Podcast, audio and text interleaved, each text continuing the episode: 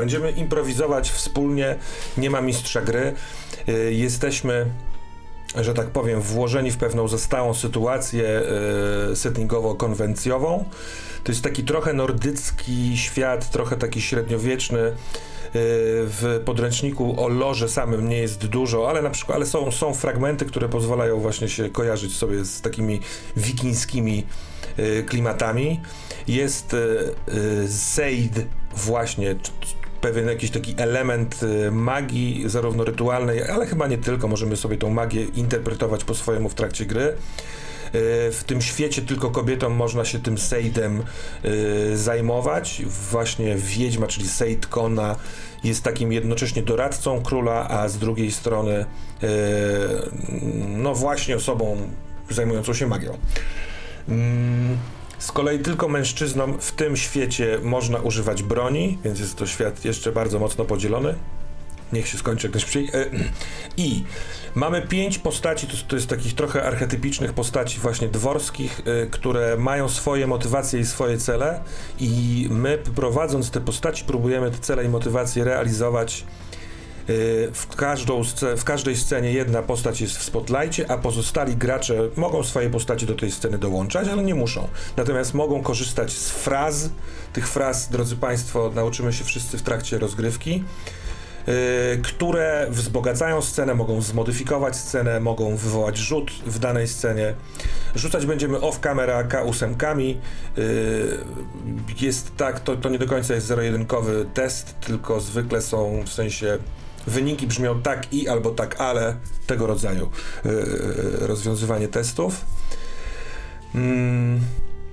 Pewnie każdy z nas będzie miał po dwie sceny. Możliwe, że to się skończy wcześniej, bo warunek w książce jest taki, że jeśli dwie postaci zginą albo już nie będą mogły kontynuować swojej opowieści, to wtedy przechodzimy do epilogów, więc to też jest y, opcja.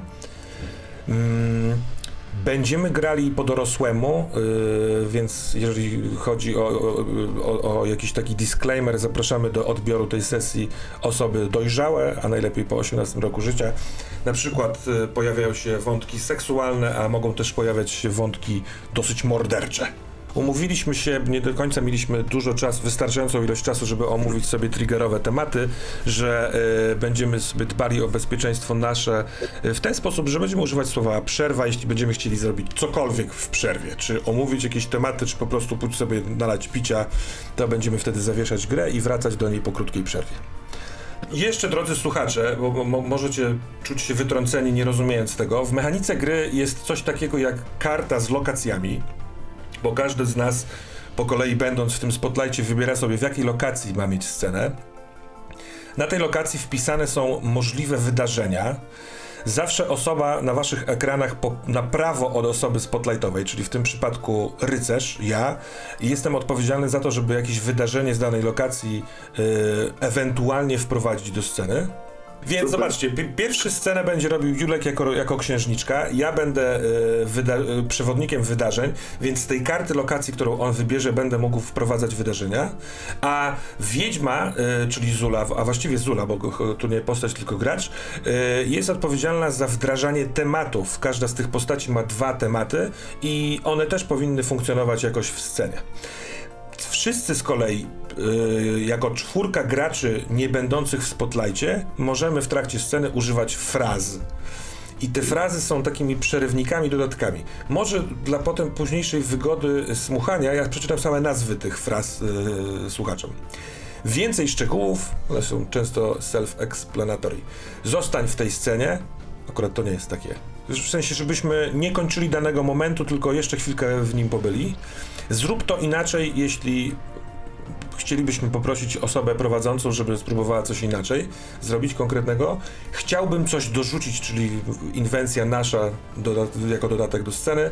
To chyba nie jest aż tak proste. To jest króciutka fraza, która mówi rzuć na to i wtedy rzucamy kausemką, co też jest, ma swój sposób, ale metodę, ale to później i potrzebuje coś wyjaśnić, to jest fantastyczna fraza, która sprawia, że każdy z nas może poprosić o to, żebyśmy wyklarowali sytuację w e, fikcji. Tak, żebyśmy rozumieli rzeczy w ten sam sposób. Drodzy Państwo gracze, czy są jakieś rzeczy, które chcielibyście dodać, zagadnąć, zapytać? Wracamy do księżniczkowatości, bo zawsze się zaczyna grę od księżniczki. Yy, więc yy, na początku możliwe, że będziemy lecieć proceduralnie, bo nam to pomoże. Yy, będę cię prosił, Julku, o to, żebyś wybrał lokację i zdecydował, czy sam rozpoczynasz scenę, czy chcesz, żeby zrobił to przewodnik wydarzeń, w tym przypadku ja. Zrób to sam.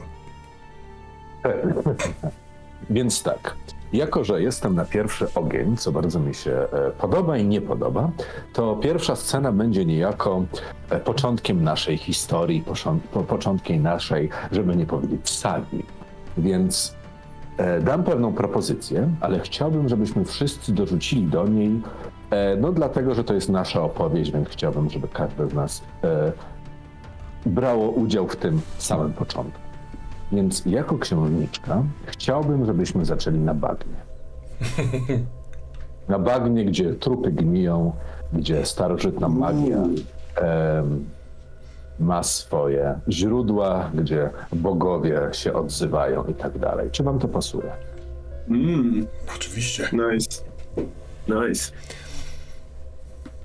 Julku, czy zechcesz dookreślić, jakie mamy bagno w grze? Bo są trzy propozycje, one są trochę inne w klimacie. Yy, fajnie, gdybyśmy wiedzieli, jakie to bagno.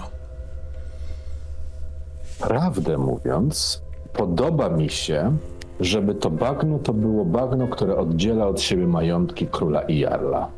Mm. Czyli Jarlo, e, czyli bagnisko to samotne miejsce, w którym gromadzą się najbiedniejsi z biednych. Bo podoba mi się taka ziemia niczyja pomiędzy mm. dwoma potęgami.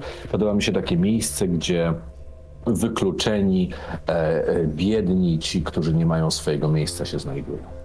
Dobra, ja tutaj pozwolę sobie zrobić w trend, bo jest jedna rzecz, o której zapomniałem, czyli taka sytuacja naddana, fikcyjna, o której słuchacze też powinni wiedzieć. Jest królestwo, którego królem jest król, grany przez Marcelinę. Wschodnim sąsiadem tego królestwa y, jest niejakie królestwo Gardariki. Gardariki jest zarządzane przez Jarla i E, Gardariki bardzo urosło w siłę w, ciągu ostatnich wielu, wielu lat, a król z kolei jest starszawy i nie ma męskiego potomka. Wpada na pomysł, żeby za Jarla wydać swoją córkę, czyli księżniczkę. I nasza historia będzie się działa na dworze króla. Y, oczywiście możemy sobie z niego podróżować, jak na przykład na bagna, ale y, w takim właśnie, y, w takiej sytuacji, że król przygotowuje do zaślubin swą, swą córkę, księżniczkę i jarla sąsiedniego wodza, żeby zapewnić pokój swoim, swojemu ludowi. Wiedźma jest powiedzmy pracownikiem na dworze królewskim, jest doradcą króla, Hmm. A rycerz jest też taką jego prawą ręką, ale jasne jest, yy, powinno być chyba od samego początku, że tak naprawdę pracuje dla Jarla i jest jego szpiegiem. Inne wydarzenia yy, wpisane w nasze motywacje i historię, a dużo jest tam tych dziwnych powiązań, mam nadzieję, że się wyklarują w trakcie yy, scen. Sądzicie, że coś trzeba dodać, czy to wystarczy? Myślę, że jest git. Mhm. Dobrze, to, to wracamy na bagna, które oddzielają od siebie majątki króla y, i jarla Gardariki, ziemi niczyjej pełnej biednych ludzi. I y, Jolko, czy ty zaproponujesz ramę dla tej sceny? Nie, chciałbym, żeby zaproponował stół.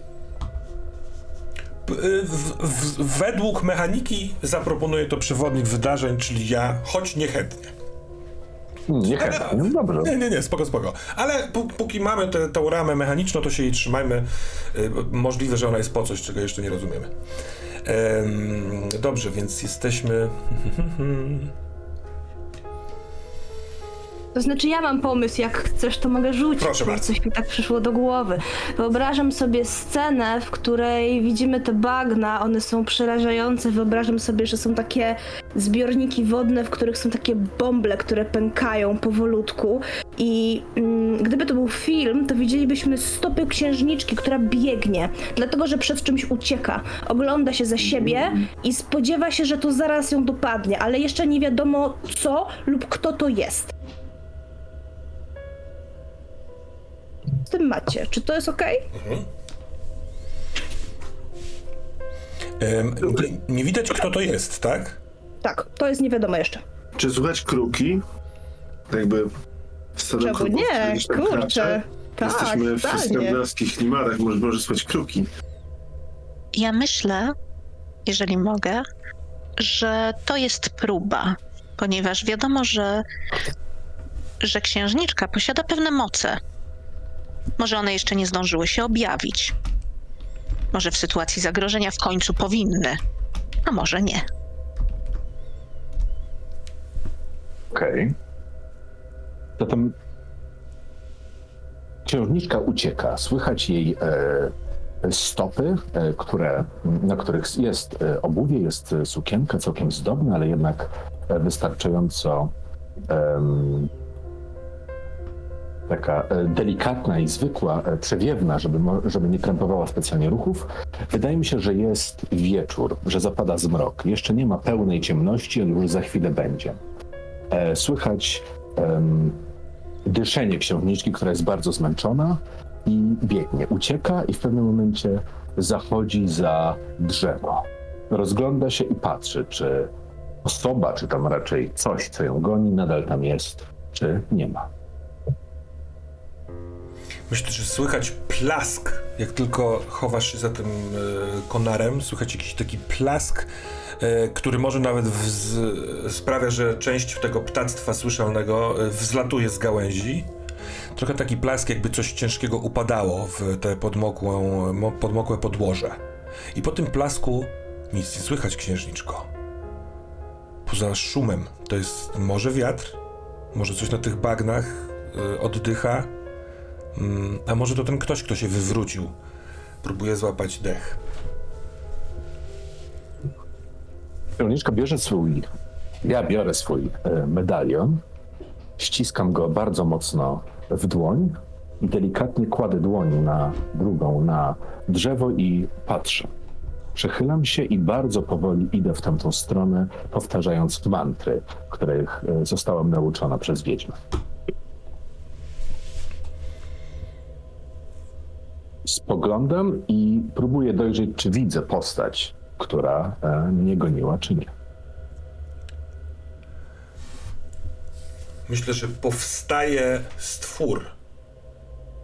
Skoro to wieczór, to ledwo widoczne. Może w świetle e, księżyca, który przedostaje się pomiędzy e, szczytami drzew. Stwór dlatego, ponieważ jest cały oblepiony błotem, w które się wywalił, bagnem. E, Ściekające te płyny sprawiają, że jego sylwetka jest nie do końca określona, nie do końca jasna, trochę jakby się cały ruszał. Yy, księżniczko, widzisz, że głowa tego czegoś przykręca się, szuka, szuka tropu. Ale dobrze się Wydaje schował. mi się, że w tym momencie stwór dostrzega grupkę ludzi, której wcześniej ani księżniczka, ani ten stwór nie widzieli. Jacyś zmęczeni, biedni ludzie, którzy siedzą przy przygasającym ognisku, wychudzeni, jedzący resztki jakichś posiłków, jakichś szczur, szczurów bagiennych. Wyglądają trochę jak Mara, ale tam są. I Chciałbym też dorzucić. Chciałbym dorzucić, oni wszyscy siedzą przy bardzo biednie zrobionym, ale jednak z gałęzi stosie, na którym leży ktoś zabity ciosem włóczni. A przynajmniej ciosem. Widać, że leży martwe ciało przebite w okolicach serca. Wygląda jakby to był wojownik kiedyś. Okej, dobra, to przyjmuję. I stwór patrzy w tą stronę, patrzy w drugą stronę. I w drugą stronę pojawia się rycerz. Rycerz, który jest niejako oszołomiony i patrzy w inną stronę. Cała scena wygląda w ten sposób, że bestia patrzy w lewo, gdzie jest ta scena z tymi biednymi ludźmi i ciałem, w prawo, gdzie jest e, postać rycerza i wprost, gdzie jest księżniczka, która patrzy na całe wydarzenie. Księżniczka widzi rycerza. Tak, widzi, widzi rycerza. Teraz księżniczka myśli sobie, że musi podjąć decyzję, czy jakoś przeciwstawić się stworowi, czy pozwolić, żeby stwór poszedł w jedną lub w drugą stronę. Więc patrzy na tego stwora, zastanawia się, no i zaczyna skandować coraz głośniej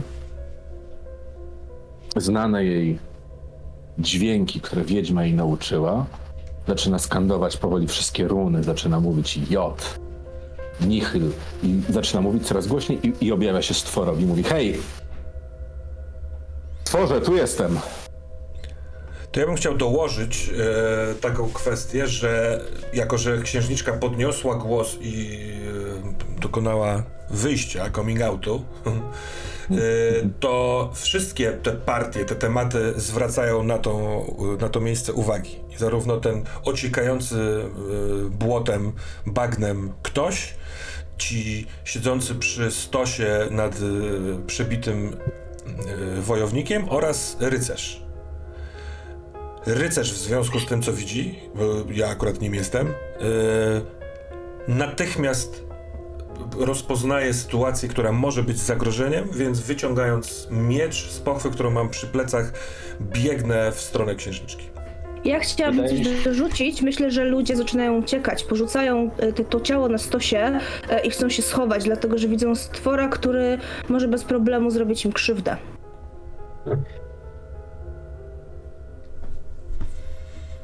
Chciałabym coś dorzucić. Mhm. Jeżeli chodzi o nastawienia, to to jest próba, ale którą być może księżniczka postanowiła podjąć sama. A rycerz jest tam dlatego, że miał jej pilnować, a ona bardzo uparcie się zgubiła. No. Bardzo mi się podoba, czyli jakby moja obecność tam jest niekoniecznie na rękę księżniczce, tak? Miałeś pilnować i najwyraźniej zawiodłeś, skoro to jest e, wielki potwór, który na nią idzie. Mm, oczywiście. Ja wypełniam swoje, bo biegnę go, żeby go staranować. Z kolei księżniczce zupełnie nie na rękę może być to, że ten rycerz będzie jej przeszkadzał udowodnić swoją wartość. Zdecydowanie tak. Ulf, krzyczy księżniczka. To nie jest twoja próba. Zawróć, zawróć w tym momencie, bo przepadniesz.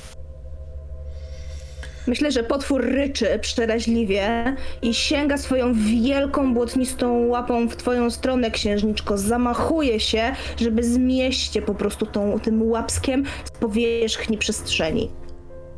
Księżniczka szybko skacze do y, tyłu, tak żeby uniknąć tego i wydaje mi się, że w tym momencie wpada w, obję- w objęcia rycerza i patrzy prosto w jego e, twarz. Mm, Łapie go za e, kawałek jego przyszywanicy, która jest pod zbroją, ale wystaje fragment i mówi szybko uciekaj, to nie jest o tobie w tym momencie. Na miłość, która jest pomiędzy mną a tobą, ja cię zaraz znajdę, ale to jest próba, którą muszę sama podjąć i która sama muszę zwyciężyć. Szybko, jest mało czasu. to ja bym chciał tutaj dorzucić, że to chyba nie jest taki prosty, jak ci się wydaje i poproszę, żebyś przetestował, czy uda ci się odegnać rycerza, który ma tutaj swoje wyzwania. No, Więc to to jest tak w takiej sytuacji, że ty wybierasz, Julku, kto z nas ma rzucić i zinterpretować wynik. Ja bym poprosił, żeby skała rzucił i zinterpretował wynik. K8. Dwa. Tak, ale. Poznać się udaje, ale postaci lub komuś na kim jej zależy wali się coś niezwiązanego bezpośrednio, bezpośrednio z testem, więc moja propozycja jest taka. Rycerz zaczyna uciekać, ale bestia, dziwny stwór, rzuca się za rycerzem. I wygląda na to, że jest go w stanie bardzo szybko e, dorwać. Rycerz tego nie wie. Rycerz odchodzi na zasadzie zostawiam cię, rozumiem i szanuję to, co mówisz, tylko że bestia jest, ma zupełnie inne plany.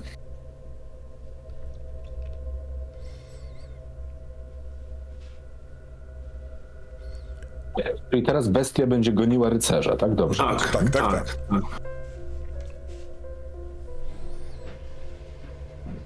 To w takim wypadku y, księżniczka biegnie za tą bestią i krzyczy, chodź, chodź, tutaj jestem, to ty jesteś moją próbą. Dobrze, że jesteście tu oboje, bo jestem straszliwie wygłodniały. Bestia podąża za rycerzem, chce go sięgnąć swoją błotniastą łapą. E, może obrać go nawet z tej zbroi, jak jajko niespodziankę. Już te palce, te błotniste paluchy docierają do tego rycerza, już prawie go łapią. Księżniczka w tym momencie wyciąga e, sztylet em, wypisuje na dłoni runę Naudis, czyli runę pustki, e, i e, podbiega do bestii i e, przykłada tą dłoń, żeby przegnać ją na zawsze. To, to jest moment, w którym ja poproszę, e, chciałbym wejść z frazą więcej detali, ale dotyczących całego obrazu księżniczki. Jak wygląda księżniczka, która właśnie ostrze z runą przykłada do cielska potwora? Więc tak, księżniczka ma em, rozwiane włosy, które teraz są już zupełnie. Po, y, ma mnóstwo patyków w środku, jest zmęczona, cały czas y, dysząca po tym biegu i teraz jednocześnie przejęta i zdenerwowana tym, że jednocześnie ucieka jej bestia i próba, a z drugiej strony jest przerażona tym faktem, więc jej twarz wyraża determinację i wściekłość. Nie chce robić to, do czego jest zmuszona, no bo to jest ból, ale z drugiej strony czuje, że to jest jej powinność, że są rzeczy, które są ważniejsze, zwłaszcza, że e, chce być kimś więcej niż je- jest teraz. E, sama sukienka już jest zniszczona przez e, same bieganie w tej, w tej dziczy, jest też dużo jeszcze błota na jej cerze i dłoniach. E, krew drobnym strumykiem spływa po jej e, nadgarstku i z krzykiem właśnie runy Naudis przykłada dłoń do bestii. Co się dzieje z bestią, księżniczko? Bestia według mnie dziwi się bardzo, krzyczy w bólu i odwraca się, żeby trzepnąć księżniczkę, ale w momencie, w którym już ma walnąć, to zamienia się w tym momencie w pył i w robaki, które oblepiają całą księżniczkę, która w tym samym momencie pada na kolana, dysząc. I kiedy... Chciałabym coś dodać. Dobra, proszę bardzo. Kiedy ta substancja oblepia cię, księżniczko, słyszysz jeszcze coś w rodzaju takiego dalekiego szeptu. E, może jesteś w stanie nawet rozpoznać, że to głos tego potwora, który szepcze i jeszcze mi za to zapłacisz. Ja też dodaję, ale jako e, przewodnik wydarzeń. Miejsce, w którym księżniczka pada na kolana, e, oblepiona tym, e, tą mazią, słysząc, że jeszcze komuś za coś zapłacisz, to miejsce, w którym pod prawym z kolan czujesz coś twardego, coś innego niż ta cała e, błotnista nawierzchnia. I odruchowo spoglądając tam, widzisz, że tuż pod powierzchnią e, błota jest ciało odziane w coś połyskliwego. Twoje kolano trafiło na chyba kawałek zbroi, kawałek czegoś, jakiegoś, jakiejś kolczugi i to też chyba odruch, ale spoglądasz w prawo, tam gdzie to ciało powinno mieć twarz i jest to twarz rycerza, którego twój ojciec wysłał parę dni temu na ważną misję na pogranicze. Nazywa się ten rycerz, jak on się nazywa? Rudolf. Rudolf. Harald. O, ty powiedziałeś Harald? W momencie, Tak, kiedy tak mówił Rudolf, ja też chciałem powiedzieć Harald. Przybijam ci mentalną No to. Harald. To w takim razie niech będzie Harald chyba, no nie? Niech będzie Harald. Dobrze, Chyba, więc Rudolf. księżniczko trafiasz na e, zwłoki e, Haralda. To dotykam, do, do, dokładnie patrzę. Oj, na bogów, to jest Harald. Em, Pukam, em, co ma przy sobie i widzę, że w takim pakunku e, ma list od ojca, od króla. Więc wyciągam go szybko, bo tam król wspominał coś o jakichś poselstwach, ale no, nie, nie wdawał córki w e, szczegóły żadne, więc otwieram i na szczęście światło księżyca jest na tyle mocne, że jestem w stanie przeczytać. I w tym liście jest prośba o współpracę do księstwa, które jest dalej. Księstwa, które jest e, wrogiem księstwa Jarla, które też urosło e, w sporej potędze, jest taką trzecią istotną siłą w, na naszych ziemiach. Czyli okazuje się, bo też chcę to wyklarować, że król za plecami tego y, małżeństwa, które chce, ma być sojuszem, y, próbuje się dogadać z przeciwnikiem Jarla, tak? A Tak, przynajmniej dokładnie. wysłał swojego rycerza z takim listem. Dobra, super. Tak. Chciałabym coś dorzucić. E, W tym liście znajduje się taka wzmianka o tym, że król ma córkę na wydaniu. To jest e, bardzo niezobowiązująca wzmianka, natomiast ponieważ księżniczko prawdopodobnie nawykłaś do intryg dworskich, bije z tego wielkimi wykrzyknikami, chce tę córkę wydać być może za kogoś z waszego królestwa. Naturalnie. Okej. Kiedy czytasz ten list, to rycerz, widząc, że spełnił twoje wymagania, a ten stwór się zamienił w pył, w jakąś maź, powoli idzie w twoją stronę, tak żeby nadal mieć na ciebie oko. Ulfie, Tak? e, król znowu mnie traktuje jak przedmiot, żeby utrzymać swoje królestwo. Teraz obiecał mnie znowu komuś innemu. Jak to? Och, to zwłoki. No, Czy to nie jeden z y, wojów twojego ojca? tak, to wuj na literę H, zapomniałem jego imienia teraz. Harald. Harald właśnie. A tam z daleka widziałem drugiego trupa, jakieś inne zwłoki. Tam biedni mieszkańcy tego rejonu e, przypatrywali mu się. Od włóczni zginął. Wyglądało jak włócznia mojego ojca. Może to był jego zabójca. To trzeba sprawdzić zaraz. Pani, pozwól, że przejmę ten list. On musi zostać dostarczony z powrotem do króla, tak jak i ciało Haralda.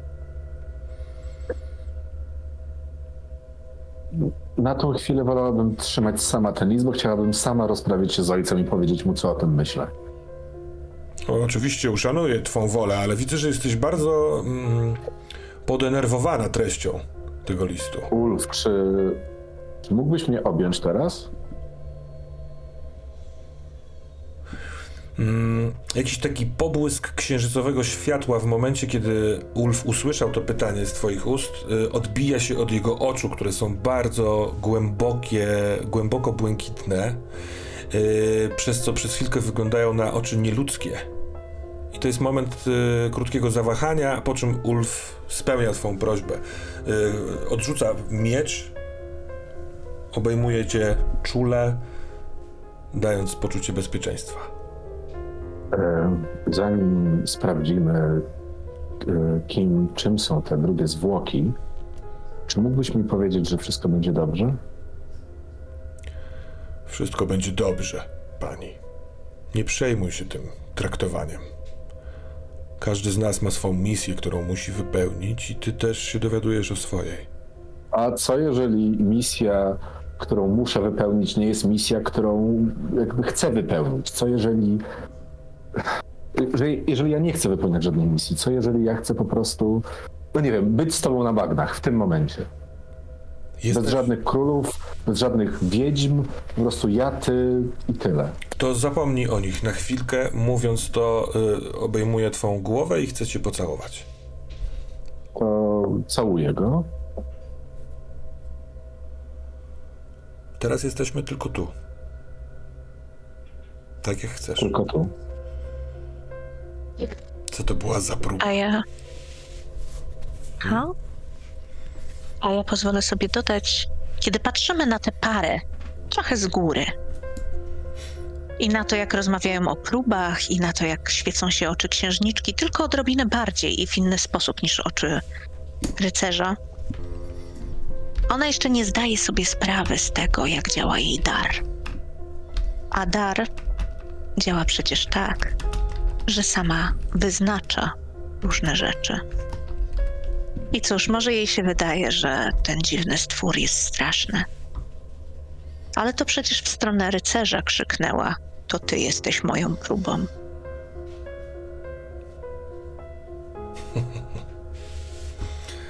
Może to koniec tej sceny. Chyba, że chcesz, księżniczko, jeszcze coś tutaj? Ym, Chcę tylko jedno zdanie w zasadzie, bo tego jakby drugiego trupa możemy zostawić na inne sceny. Ale kochasz mnie, prawda? Oczywiście. Kocham cię, pani.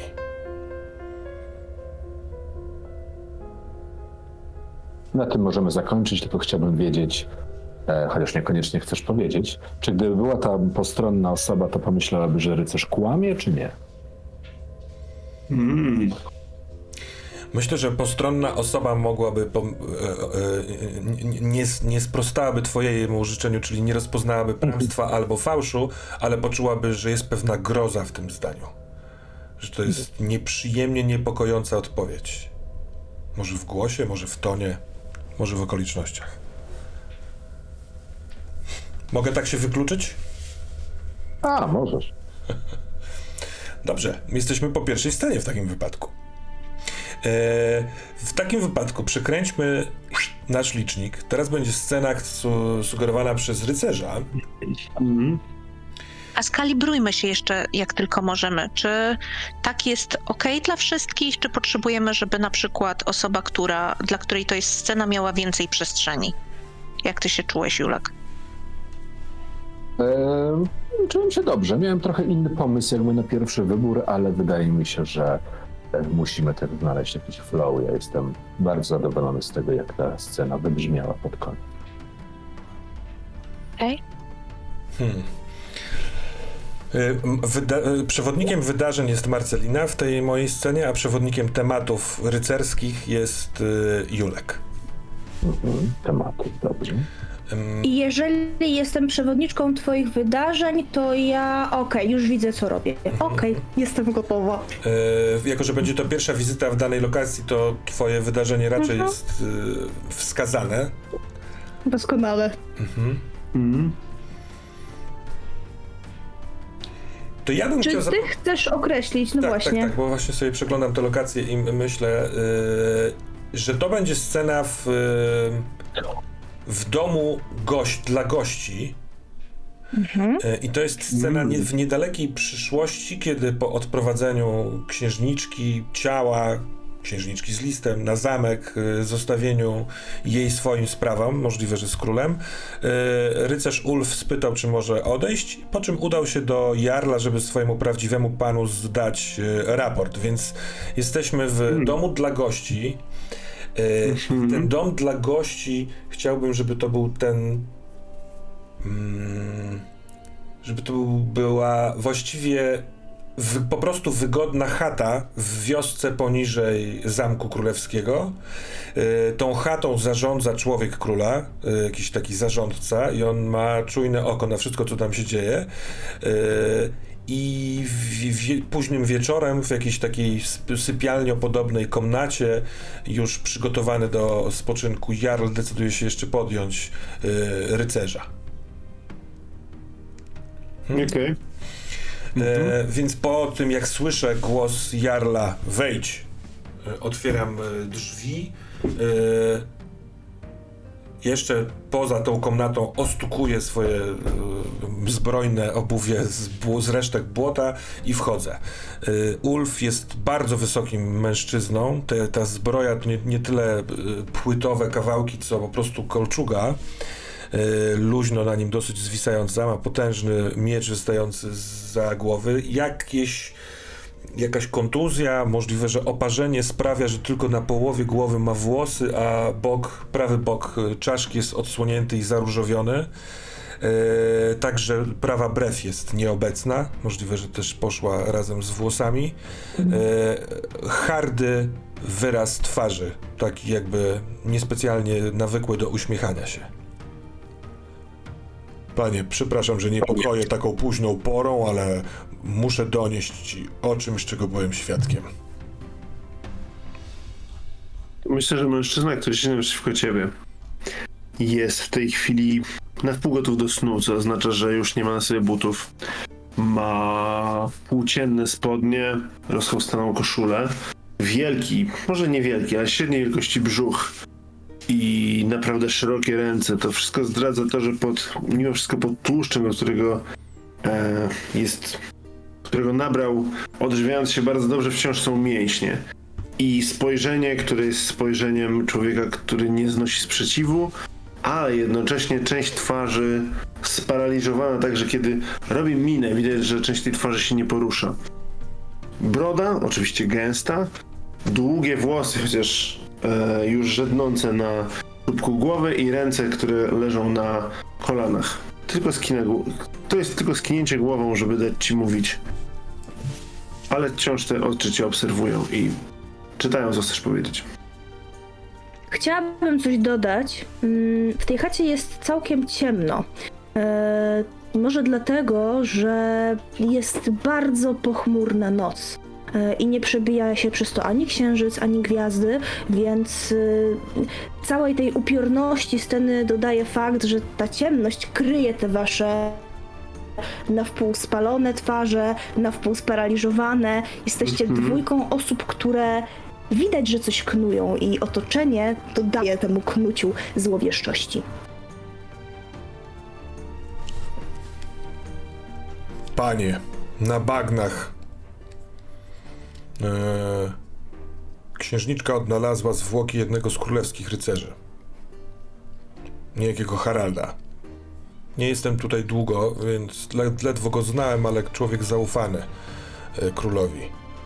Ona wyjęła e, mu z zanadrza list. Po przeczytaniu go bardzo się zatros- zatroskała i zadała mi dziwne pytanie jakbym się czuł, gdyby ojciec tak, tak przedmiotowo ją traktował. Możliwe, że nie, niedokładnie pamiętam, ale wydaje mi się, że to waż, ważny list. Chciałem go przejąć, ale ona powiedziała, że sama chce go zanieść do króla i się z nim rozmówić. Pilnujemy, żeby nikt nie opuścił królestwa. Możliwe, że ci, którzy pilnują, też powinni pilnować, żeby nie znajdywać przy ciałach rzeczy, które mogłyby być dowodami.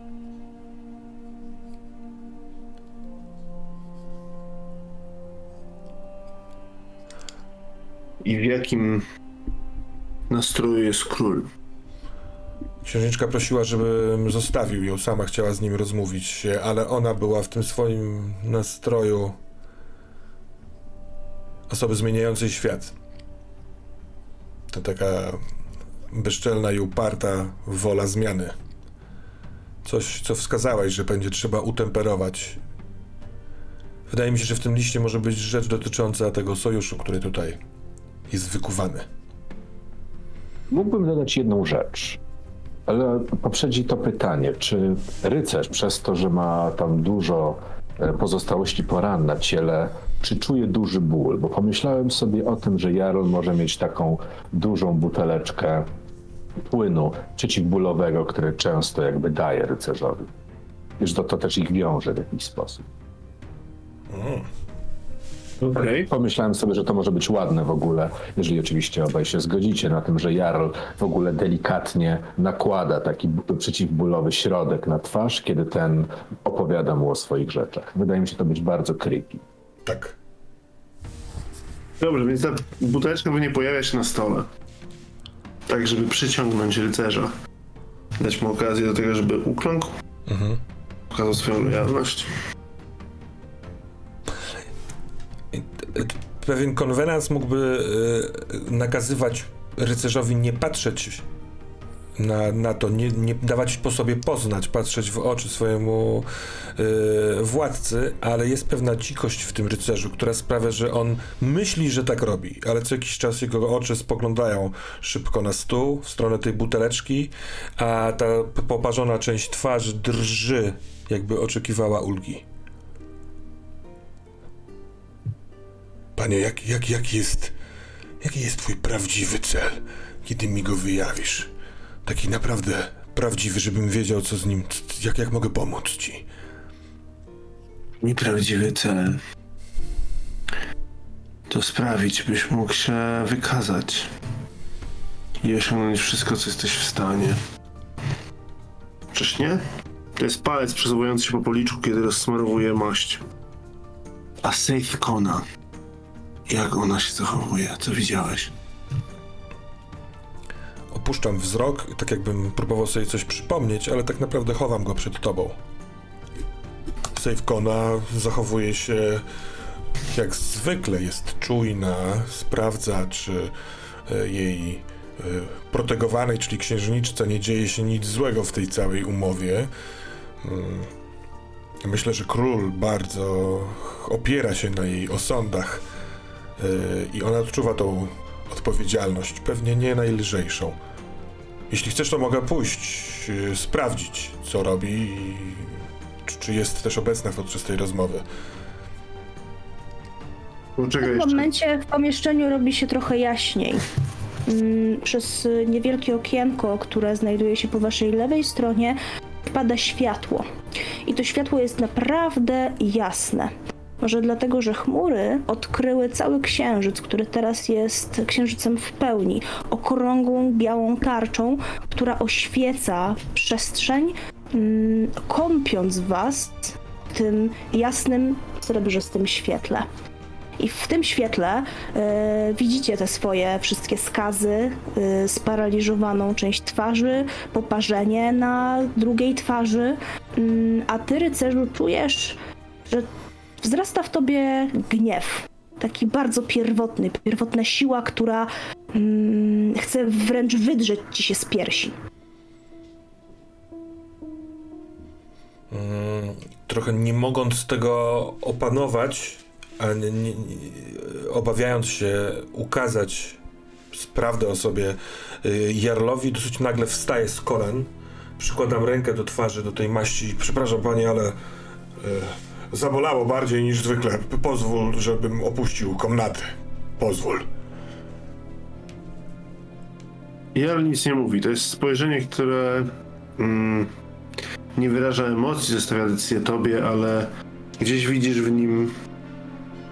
To nie jest pytanie.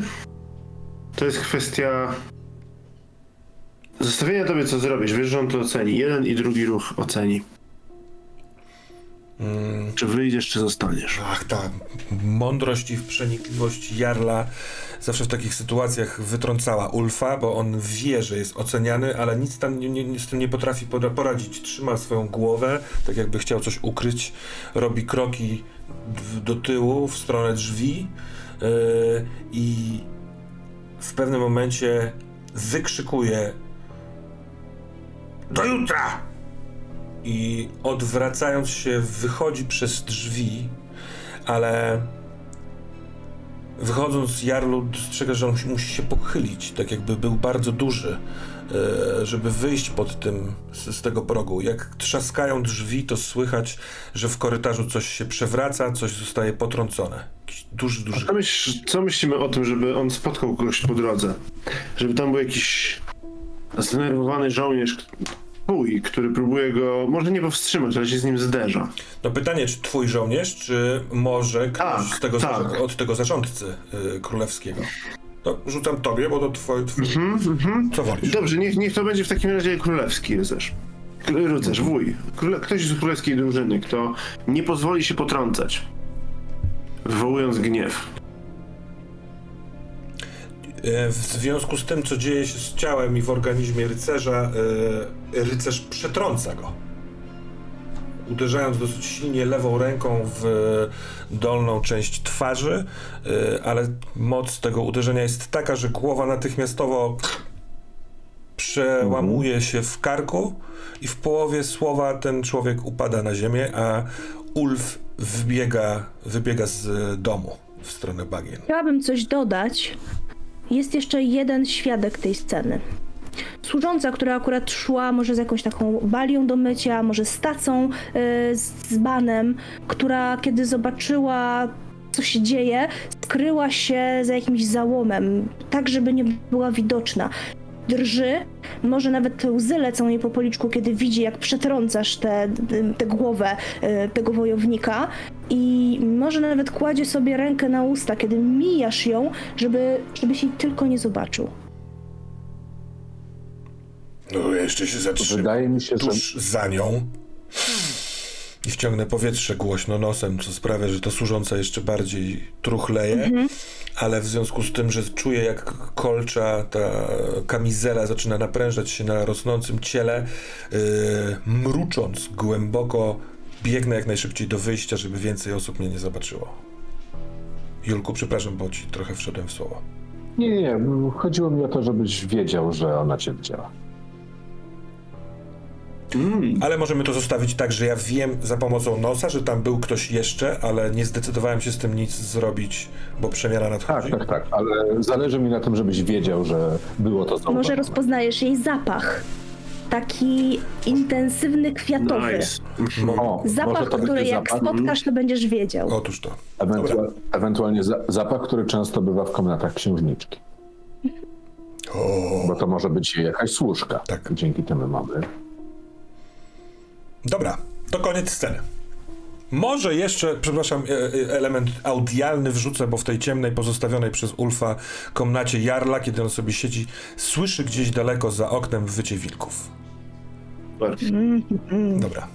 No to koniec i przechodzimy do sceny króla. Pszczęk. Wydarzeniami będzie zawiadamiał e, Skała, a tematami królewskimi będę zawiadamiał ja.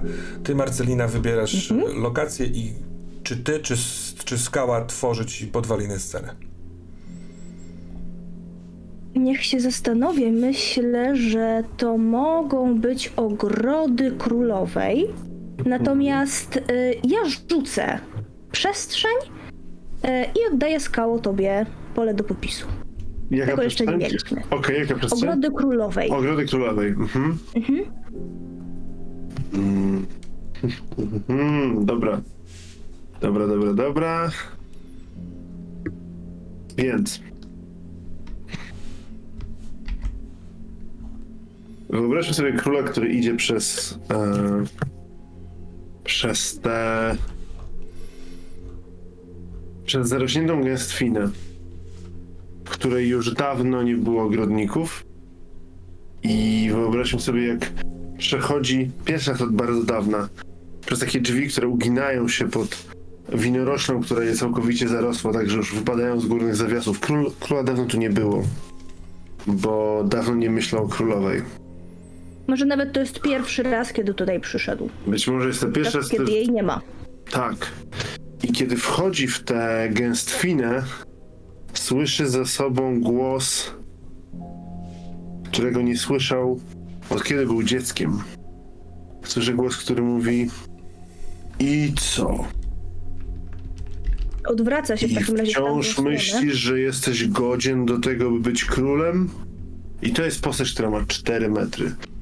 Wielki, Mhm. futrzasty płaszcz, hełm, który zakrywa prawie całą twarz, siwą brodę. To jest twój ojciec. Dlaczego go nie widziałeś od, od wielu lat? Bo umarł. W tej chwili jest przezroczysty, za nim widać te liście, e, kwiaty, które już obumarły, ale jeszcze zostawiły ze sobą e, takie gnijące, gnijące środki. I widzisz, po... nie musisz patrzeć w jego twarz, żeby wiedzieć, że jest niezadowolony. Jak zawsze, nigdy nie był zadowolony. W takim razie król Nafni pochyla głowę. E, lekko przesuwa mu się na tej głowie korona, którą na tej głowie posiada. Mm, wręcz jest taki skulony cały w sobie, dlatego że ojciec zawsze budził w nim rodzaj lęku i ten dziecięcy lęk y, został w nim, nawet jeżeli jest starszym człowiekiem, trochę już właśnie przygarbionym, mm, człowiekiem, który jednak jest ubrany bardzo pięknie, jak na króla, y, który manifestuje swoją władzę także przez swój ubiór. Myślę, że jest tam y, dużo fioletu w tych szatach, y, a korona wyobrażam sobie, że jest srebrna. E, I król pochyla się, nie patrząc na swojego ojca, może nawet spoglądając na y, widmowe czubki jego butów.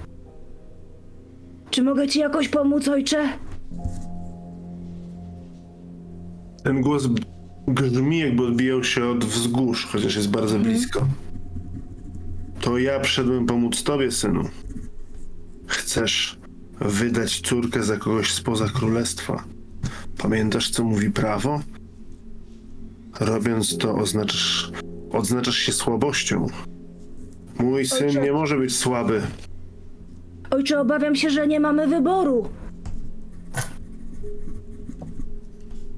Co innego mam zrobić? Długo myślałem i siedziałem i ta dziewczyna zaraz przejdzie wiek taki, w którym można wydać ją za mąż z korzyścią.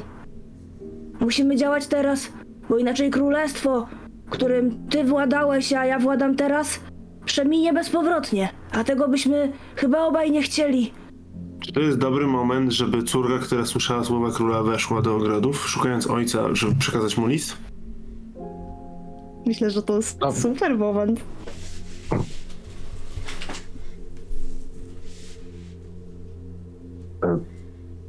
Ojcze, Dziecko, z kim rozmawiasz? Do kogo mówisz? patrzę przed siebie. E, chcę spojrzeć. Ogród, sam ogród. Ciężkie, gnijące resztki kwiatów, mnóstwo liści. Do siebie, dziecko, mówię do dodała. siebie. Ja bym dodała, że między tymi liśćmi i resztkami ogrodu jest rzeźba, Mhm. Mm. być może przedstawiająca kogoś, kto był ważny. Kto to jest? Myślę, że jest to sama królowa. Matka, Królowa- dokładnie. Mm. która ufundowała to miejsce, której bardzo zależało na tym, żeby, mm, żeby takie ogrody znalazły się tutaj w królestwie, ponieważ bardzo kochała przyrodę i była bardzo z tą przyrodą bliska. Myślę nawet, że ona doglądała tych ogrodów, może nie samodzielnie, ale pilnowała, żeby one były piękne i kierowała tymi pracami. I kiedy. Mm, kiedy usłyszała, że ta rzeźba ma stanąć w tym miejscu, może nawet nie była do końca pewna, czy to jest dobry pomysł, ale rzeźba została postawiona na znak, że to ona jest królową tego właśnie miejsca. I teraz ona patrzy, ta rzeźba, zarówno na swojego męża, jak i na swoją córkę. O, Jeszcze doprecyzujmy, jak ma na imię. Królowa czy córka? Bo tego w sumie nie wiem. Obie. O, nie znamy obu imion. Dobrze. Ja w takim razie wybiorę imię dla królowej. Dobrze, córka ma na imię Juni. Juni. Juni, tak, skandynawskie imię żeńskie. Myślę, że królowa nazywała się Un przez dwa n. Un. Mhm. To ojcze, mm, dokończ, w jakim jestem wieku? Odpowiednim Albo na to, żeby wreszcie wyjść będę. za mąż. Drogie dziecko, tak. nie młodniejesz, przecież to jest idealny czas na to, żebyś wyszła za kogoś ważnego i dała mu dzieci, najlepiej synów. Mm, Najlepiej. E, a ja mam coś do powiedzenia może w tej sytuacji. Poza tym znalazłam list, e, który był przy zwłokach twojego rycerza, którym obiecujesz mnie jeszcze kolejnemu jakiemuś władcy. Ile wysłałeś takich listów? Pięć, On dziesięć? wyciąga rękę, żeby W sensie, ojcze, czy ty prowadzisz królestwo, czy Zamtus, gdzie ja jestem jedyną pracownicą? Juni, musisz wiedzieć, że prowadzenie królestwa nie jest prostą sprawą. I że w takich Widzę, sytuacjach... że nie jest prostą sprawą. Na bagnach możesz mnie nie obok- przerywać, dziecko? Właśnie nie mogę, ale proszę, dokończ zdanie. Pamiętaj, że to ja tutaj jestem królem i że ty jako moje dziecko należysz do mnie i mogę rozporządzać twoją wolą. Niezależnie od tego, czego będziesz pragnęła, będziesz musiała zrobić to, czego ja pragnę dla ciebie. Bo chodzi o nasze królestwo i o to, żeby ono przetrwało razem ze swoimi tradycjami i pamięcią o przodkach. Ojcze, królestwo się rozpada. Obok nas ludzie cały czas uciekają z miasta, żeby dostać się na bagno, bo tam jest lepsze życie. Królestwo jest twoje, ja należę do ciebie, więc uważasz, że ty jesteś najlepszą osobą, żeby decydować też o moim losie? Nie sądzisz, że wszystkie decyzje do tej pory były po prostu złe i ta też najwyraźniej jest zła? Dobrze, skoro chcesz wyrazić swoją wolę, wysłucham jej. Czego pragniesz, moja córko? To ja y, chcę, chcę, zanim odpowie księżniczka, dołożyć y, element związany z tematem króla. Y, Moment, w którym król decyduje się wysłuchać córki, y, czyli wystąpić poniekąd, oczywiście arbitralnie może tak stwierdzić, ale poniekąd przeciwko tradycji, w której męska strona rodu zawsze podejmuje decyzję, jest momentem, w którym wraca duch ojca i on jest tuż, on jakby wyłania się za sylwetki księżniczki i kiedy ty, królu, będziesz słuchał y, swej córki, to tak naprawdę będziesz widzieć, widzieć rosnącą duchową postać swojego ojca, który teraz bardzo cię ocenia, patrzy takim y, negatywnym, pogardliwym y, wzrokiem ze swojej przeźroczystej głowy, uosabiając tradycje potomków, w sensie, przepraszam, przodków i, i to, jak zawsze postępowali, a ty teraz podajesz to w wątpliwość? Julku. Odstąp z stronu i daj mi rządzić. I myślisz, że, że co, że to zrobię? Myślisz, że kobieta na tronie to jest dobry pomysł? Myślę, że gdybyś była w tym momencie na tronie, królestwo upadłoby od razu. I tak upada, a poza tym ja się uczę, poza tym ja mam dar, a ty nie. Ja widzę więcej niż się, niż twoje oczy są w stanie zobaczyć. Ojcze, Skoro widzisz więcej, to uświadom sobie, że to, za kogo wyjdziesz, może uczynić dobrą lub niedobrą przyszłość dla naszego królestwa. Jeżeli widzisz więcej, to zobacz proszę, kto powinien zostać twoim mężem i komu od razu dasz, dasz syna, bo męski potomek jest tym, czego potrzebujemy. Gdyby wtedy moja żona urodziła nie ciebie, a chłopca, wszystko potoczyłoby się zupełnie, zupełnie inaczej. Skończyłem z tobą rozmawiać. nie podoba mi się, że zawsze winisz mnie za śmierć swojej żony, mojej matki. Do widzenia. To nie jest takie proste. Coś się wtrąca w tą scenę, coś, co nie pozwala jednemu z nich tak po prostu e, wypowiedzieć te słowa, a drugiemu wyjść. Ale to w takim wypadku zarządzasz rzut, ale e, Tak. w ten rzut. mm, Co jest zwycięstwem w tym rzucie? A co jest zwycięstwem? No Zwycięstwem jest to, No jak zwycięstwem jest to, żeby król mógł tak po prostu od, e, Dalić odprawić, córkę. odprawić córkę. Czyli na posłuszeństwo albo na posłuchanie, tak? Yy, córki. Mów- Myślę też na, na wejście kogoś, kto nie powinien się znaleźć w tej scenie, może kto za, za kło, spowoduje, to że król jest, będzie zakłopotany. Czyli to jest scena na rozejście się tak naprawdę. Tak, bo y, tak, tak, też tak, chce tak, tak. odejść, nie? Czyli coś, co mogłoby im pozwolić w tym momencie się rozłączyć. Zresztą im nie żadnemu z nich nie pozwoli zachować twarzy w tej scenie, tak bym to widział. Okej. Jakoś Okej. tak sobie wyobraziłem, nie? To rzuca, Zula niech rzuci chaosemką. I wybierze, jaki jest wynik. Bo jeżeli mogę tak A, zarządzić... Jak... Dobrze, Chyba no to ja wybiera to- roluję. Chyba wybiera to Marcelina, ale Ale to jest okej, to jest okej. Wyszło dwa. Wyszło dwa. Czyli tak, ale... a ty jesteś w stanie to jest. Oznacza tak, ale. Mm, postaci się udaje, ale postaci lub komuś, na kim jej zależy, wali się coś niezwiązanego bezpośrednio z testem. Mm. Czyli myślę, że oni, im się jednak uda rozejść wobec tego. Ale. Aha. Ja, ja chciałem zaproponować, sorry, że tak się wtrącam, ale wiem, że jest ta postać, chciałem tylko taką dobrą sugestię. Jest ta postać służki, która już widziała wilkołaka i to wszystko, co mówię. Może chcesz ją wykorzystać, może nie. Służka, która seryjnie pojawia się w złym momencie. Nie myślałam o tym, jak chcesz, to proszę, skała przejmij. Nie, nie, ja tylko, ja, ja, ja po prostu, ja, ja zawsze powiem tak, przypominam, że ona jest. Jak nie chcesz jej wykorzystać, to nie ma problemu, jak chcesz, to śmiało, wiem, że ona jest i nie, nie wtrącam się dalej. Co ja myślę, że ona rzeczywiście jest i to jest ta dziewczyna, która niesie duży koszyk pełny pełny bulw, jakiegoś rodzaju łopatkę i droga, którą idzie jest przez te, w tym mm, zachwaszczonym ogrodzie naprawdę wydeptana. I ona jest bardzo zdziwiona, że was widzi. Najwyraźniej przychodzi tu o wiele częściej niż którekolwiek z was. I kiedy padają te słowa między wami, ona się oczywiście kłania i udaje, że niczego nie słyszała, ale nie da się nie słyszeć. Można mieć tylko dobre maniery. Co robicie z nią? I z tym, że, że nagle jest służba w tej sytuacji, gdzie krzyczycie na siebie na środku.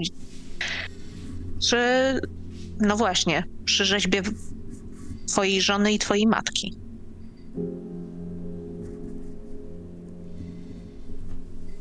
Czy pamiętasz, królu, jak jeździliśmy konno, kiedy miałam 7 lat? Pamiętam. Byłam wtedy szczęśliwa bardzo. Więc chcesz Służba jeździć też się konno? uśmiechała. Nie chodzi o jazdę konną. Pamiętasz, jak dałam ci wianek, który uplatłam, bo znalazłam fajne kwiaty, które pomyślałam, że ci się spodobają? Tu nie opowiadasz o wszystkim tym, co wspominasz jako dziecko. Nie jesteś już dzieckiem. Wiem, ale wtedy byłam szczęśliwa. I służba się uśmiechała. Ludzie nie uciekali na bagno. Król ciężko wzdycha. Widzisz, że on jest w tej scenie. On jest pokonany, jakby on czuje, że tutaj. że jemu się wszystko wymyka spod kontroli i on jest tego świadomy. I wszystkie te rzeczy, które on mówi, on to robi tylko dlatego, żeby nie wyjść absolutnie kompletnie pokonanym.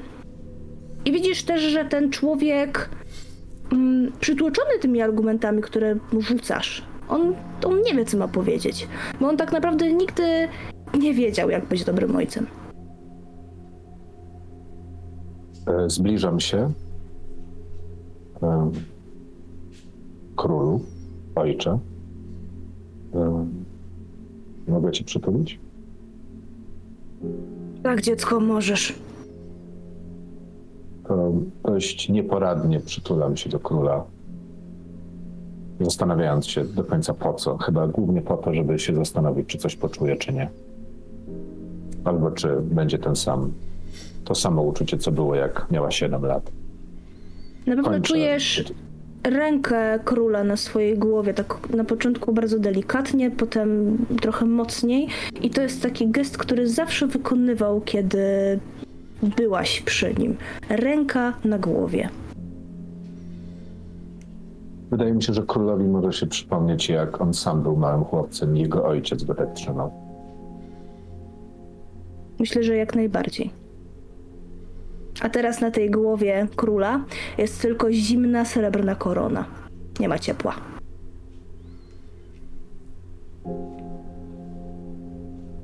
Czy to koniec? Myślę, że tak i myślę, że ignorujemy służącą. Przechodzimy do następnej sceny, to będzie scena Jarla. Jarlowi wydarzenia będzie organizowała Zula, a tematy Jarlowe Marcelina. Jarl... Tylko jeszcze dopytam. e, psz- To, to, że ja określam czy organizuję tematy, to jak co mnie tutaj. mm, Jakie mam obowiązki w tej scenie, organizując tematy? Po prostu dorzucam coś, co jest związane z tematem tej postaci. Tak, te postaci mają tematy Jasne. zapisane w, jakby w tak, tak, podręcznikach. tak. Jasne, dobra, I dobra. to jest nieobowiązkowe. Jeśli ten temat i tak jest jakby się dzieje, to może niekoniecznie trzeba. Okej. Ja mogę w sceny wciągać inne postacie zupełnie bez. Jakby... Hm, dobrze. Więc ja widzę tę scenę tak. Widzę ślinę, która pojawia się w momencie, kiedy dwie pary ust się rozłączają. E, czerwonych, takich rozognionych, kiedy przed chwilą to był głęboki, namiętny pocałunek. Obie postacie są mimo wszystko w ciężkich szatach. To jest. To są skóry, to jest wełna. Widać zresztą, że słychać świst wiatru, bo tu jest zimno. Jarl z tą lekko sparaliżowaną twarzą, więc ocierający też ślinę z kącika ust, która sama nie znika, patrzy przed siebie, a przed nim widać port, w którym drużyna króla wygrała właśnie bitwę z kimś z zewnątrz, kto najeżdżał. Być może to jest to królestwo, którego rycerz padł na bagnach. Po jego prawej stronie przed chwilą skończyła się z nim całować Safe Kone. Jak ona się nazywa? Irsa. Irsa. Irsa. Natomiast w nieco niżej, ponieważ jesteśmy na takiej grani, z tej grani to wszystko widać, nieco niżej przy kamieniach stoi, y, stoi rycerz. rycerz czekający na posłuchanie, patrzący na to, jak Jarl całuje się ze swoją kochanką lub doradczynią, bo ciężko to w tej chwili powiedzieć. Jarl, mimo dużego brzucha, mimo sparaliżowanej twarzy, w tej scenie, w tym wietrze, w tym spojrzeniu w dal, wydaje się być kimś, kto jest bardzo władczy. To tak To ma wszystkie karty w rękawie. Mhm. e, kwestii Słucham uściślenia. y, Sejtkona, czyli wiedźma, jest doradczynią króla. Tego, tutaj z tego zamku. To, że jesteście kochankami jest... Jeżeli zrozumiałem, to jest po obu, jakby gra po obu stronach. W sensie Ale spotyka się z jednym. formalnie Okej. u króla, a nieformalnie Dobra. tam, gdzie chce. Czyli, niefor, czyli to, jest ta niefor, to jest ta scena, w której rycerz dowiaduje się nieformalnie, że Sejtkona jest również y, po stronie, jest jakoś związana z Jarlem. Tak może być. Jakoś. A dorzućmy do tego jeszcze uściślenie. Sejtkona nie wie o, o tym, jaką rolę dla Jarla pełni rycerz. Mhm. Czyli, że ja jestem szpiegiem Jarla, tak? Tak, Czyli tak. to- I na razie sądzę, że moja postać cię nie rozpoznaje i nie widzi, skoro stoisz poniżej. Świetnie. Dobra. A ostatnie uściślenie. y, Wy, wybrałeś jako miejsce akcji, jak rozumiem, pogranicze. Prawda? Tak, Y, tak, Chyba tak. ten środkowy opis tętniący życiem port, dobrze myślę, bo tam padło słowo port. To jest połączenie portu i trochę sobie pozwoliłem za, zaimprowizować. To jest połączenie, tak, to jest port i jednocześnie y, przełęcz pokryta śniegiem, bo widzę, że jak z tej przełęczy pokrytej śniegiem patrzę na port. Mm. I to jest moment, w którym Jarl mówi jeszcze trochę, a będziemy razem rządzić światem, Mirsa. Jeszcze tylko trochę.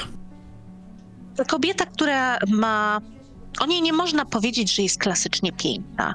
Ma bardzo ciężkie powieki, lekko wyłupiaste oczy, ale one pasują do twarzy, podobnie jak do tych ciemnych włosów, które chyba jako jedyne są jej rzeczywistą ozdobą.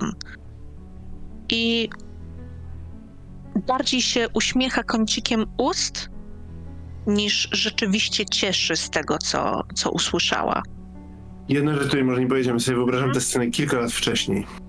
O! To jest ważne. To, co się działo. Niż to, co się działo dotąd. Przepraszam, bo To- gdzieś to jest byliśmy w latach istotne. króla. Tak, tak, ja przepraszam. Wyobrażam sobie ją Dobra, kilka lat wcześniej, nie dużo, ale to jest jakby dopiero moment, kiedy ja planuję y, uderzenia i jakby, y, o, to chciałem dodać. Jeżeli to jest okej, bo ambicje. możemy nie. Możemy nie.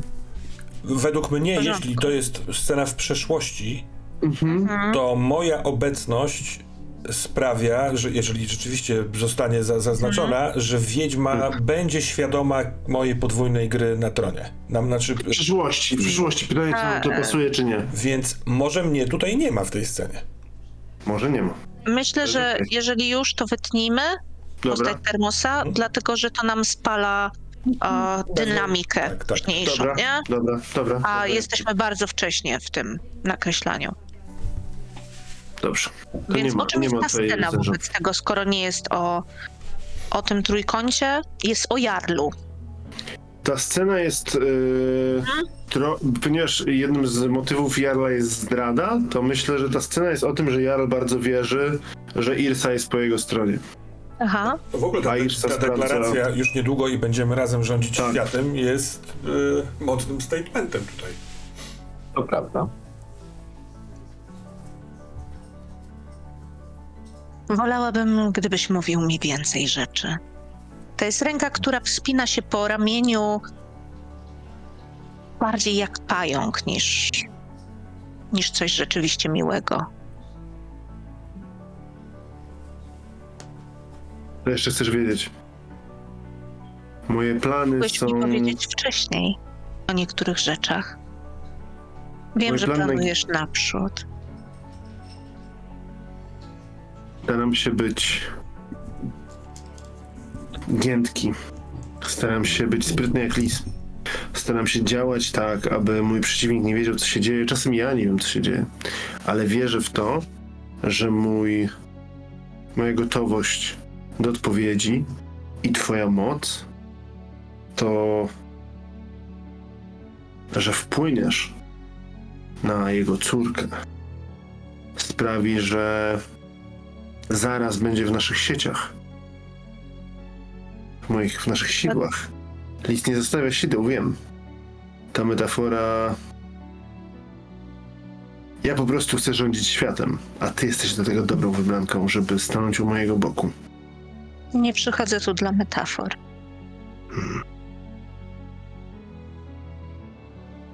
Ale mogłeś mi powiedzieć, zanim zadbałeś o to, żeby miał tylko córkę.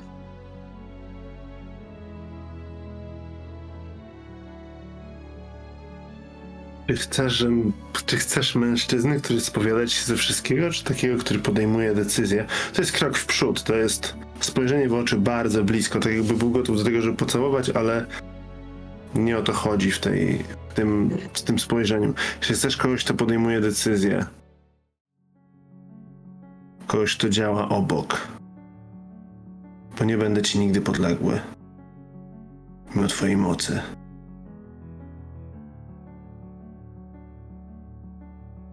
To jest tak, jakby nie zrobił na niej wrażenia. Może to jest najbardziej to, co, jej, co go interesuje w niej. Że uśmiechnęła się znowu samym kącikiem warg? Mężczyźni, którzy tylko się słuchają, są nudni. Ale ci, którzy nic nie mówią i wszystko robią są po swojemu, zazwyczaj niestety są głupi.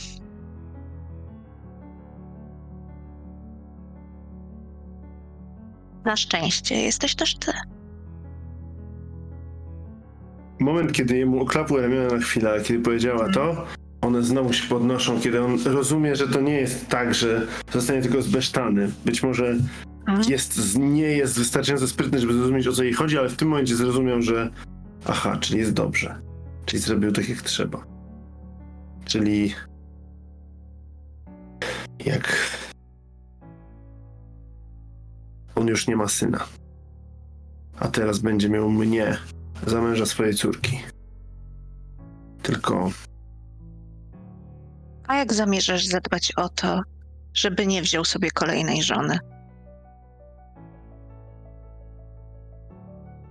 Jak zamierzasz go zająć? ty zadbasz o to, żeby nie wziął sobie kolejnej żony. Zaufa ci. Jestem pewien. Bo ty mi ufasz?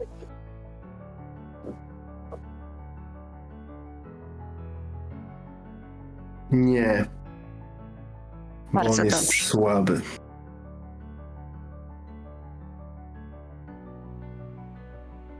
To jest kiwnięcie głową. Jakby padły dokładnie te słowa, których ona się spodziewała. Chciałabym dorzucić coś do tej sceny. Jest to służący. Taki młody chłopak, który jest posłańcem. Przynosi Jarlowi mm, list. Panie, To jest to z królestwa.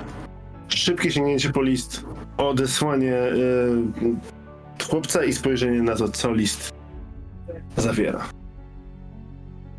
Chłopiec odbiega, słyszycie jeszcze tylko jak um, uderza stopami o, o podłoże.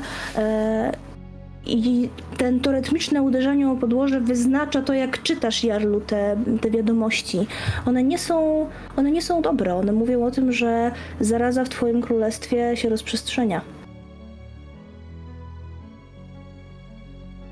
Okej, okej. mhm, mhm, mhm, mhm.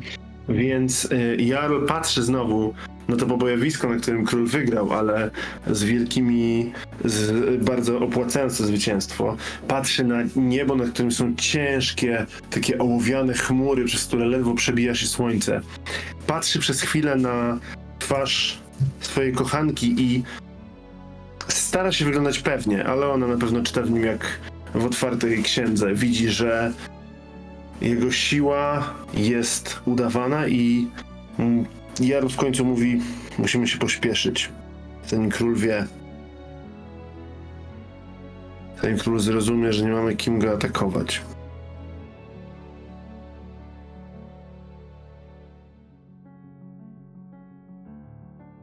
Jesteś gotowa? To jest. Ona mu nie odpowiada, tylko uśmiecha się znowu kącikiem ust. Tylko tym kącikiem. Ja myślę, że to jest koniec sceny. Nie wiem, czy To ktoś... ja, coś... z- zanim koniec, e, chciałbym Mhm. podać A? pod e, rozmowę opcję testu. Okej. E, bo ty powiedziałeś Jarlu do e, Sejtkony, żeby, zaje, żeby zagwarantowała, żeby o, e, król nie wziął sobie następnej żony i potem mieliście tą bardzo fajną, napiętą rozmowę i wobec widzenia teraz po odczytaniu listy słabości w Jarlu, test, który mam na myśli miałby polegać na tym, czy Jarl zobaczy w oczach e, Sejtkony, że ona będzie bardzo świadomie grała na dwa fronty, żeby, żeby em, ewentualnie zostać na statku, który jest na powierzchni. Ja też nie wiem, na ile to jest jakby i- input w postać e, twoją Zula, no nie? Ale Rzućmy. To jest ja fajne. Ja uważam, opowiem, że to jest fajne. na podstawie Ja rzuciłem sześć, tak na szybko. Nie wiem, czy, to, czy ktoś chce inny rzucać. Co to znaczy? nie, Nie ty, wiem. ty musisz wyznaczyć, kto ma ci zinterpretować Dobrze. ten wynik. To mam i wy, y, to i Julo, którego jeszcze nie było w tej scenie, poproszę. Szóstka. Dobrze, Szóstka. szóstka. To znaczy Patrzę. szóstka. Nie, ale postaci się nie udaje. E, Ale inna pozytywna rzecz niezwiązana z testem się wydarzy. O, okej. Postać się nie udaje, czyli o, e, Jarl nie zobaczy e, jakby prawdy w oczach e, Sejtkony. Dobrze, w- sensie mówię to na głos, żeby, żeby sprawdzić, czy wszyscy podobnie to rozumieją. Mhm. Tak, też tak to patrzę. To e, Julek, co pozytywnego się z kolei wydarzy? Co pozytywnego. Hmm.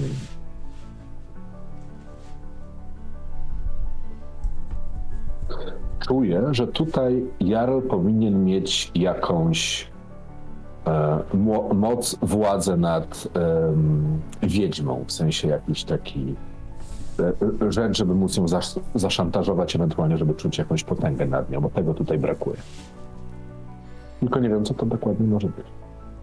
Ja, ja mam propozycję, jakaś bo, bo ty mówisz o informacji, o takim leverage, a co, co gdyby na przykład to było tak, że z tych, z tych stalowych chmur odezwał się grzmot i piorun i odruchowo Sejtkona się przestraszyła tego, albo dźwięku, albo światła. Na takiej zasadzie, że wiemy, że to może być słaby punkt. Yy, co myślicie o czymś takim? Ciekawe, no. Mhm. Pierwszy moment, w którym jakby Jarl zauważył w niej jakąś słabość, spoko. Zula, też okej, czy nie? Tak, ja myślę, ja myślę, że spoko. Sięgamy po burzę? To może coś Dobra. pozytywnego, no nie? To... Może krzyk kogoś umierającego, albo Albo Jarl za coś złapał, co powoduje lęk Mhm. u e, Sejtkon.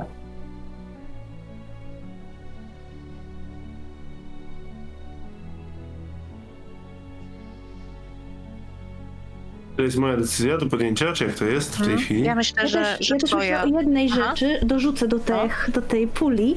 Wyobrażam sobie, że m- może e, kiedy tam stoicie w tej...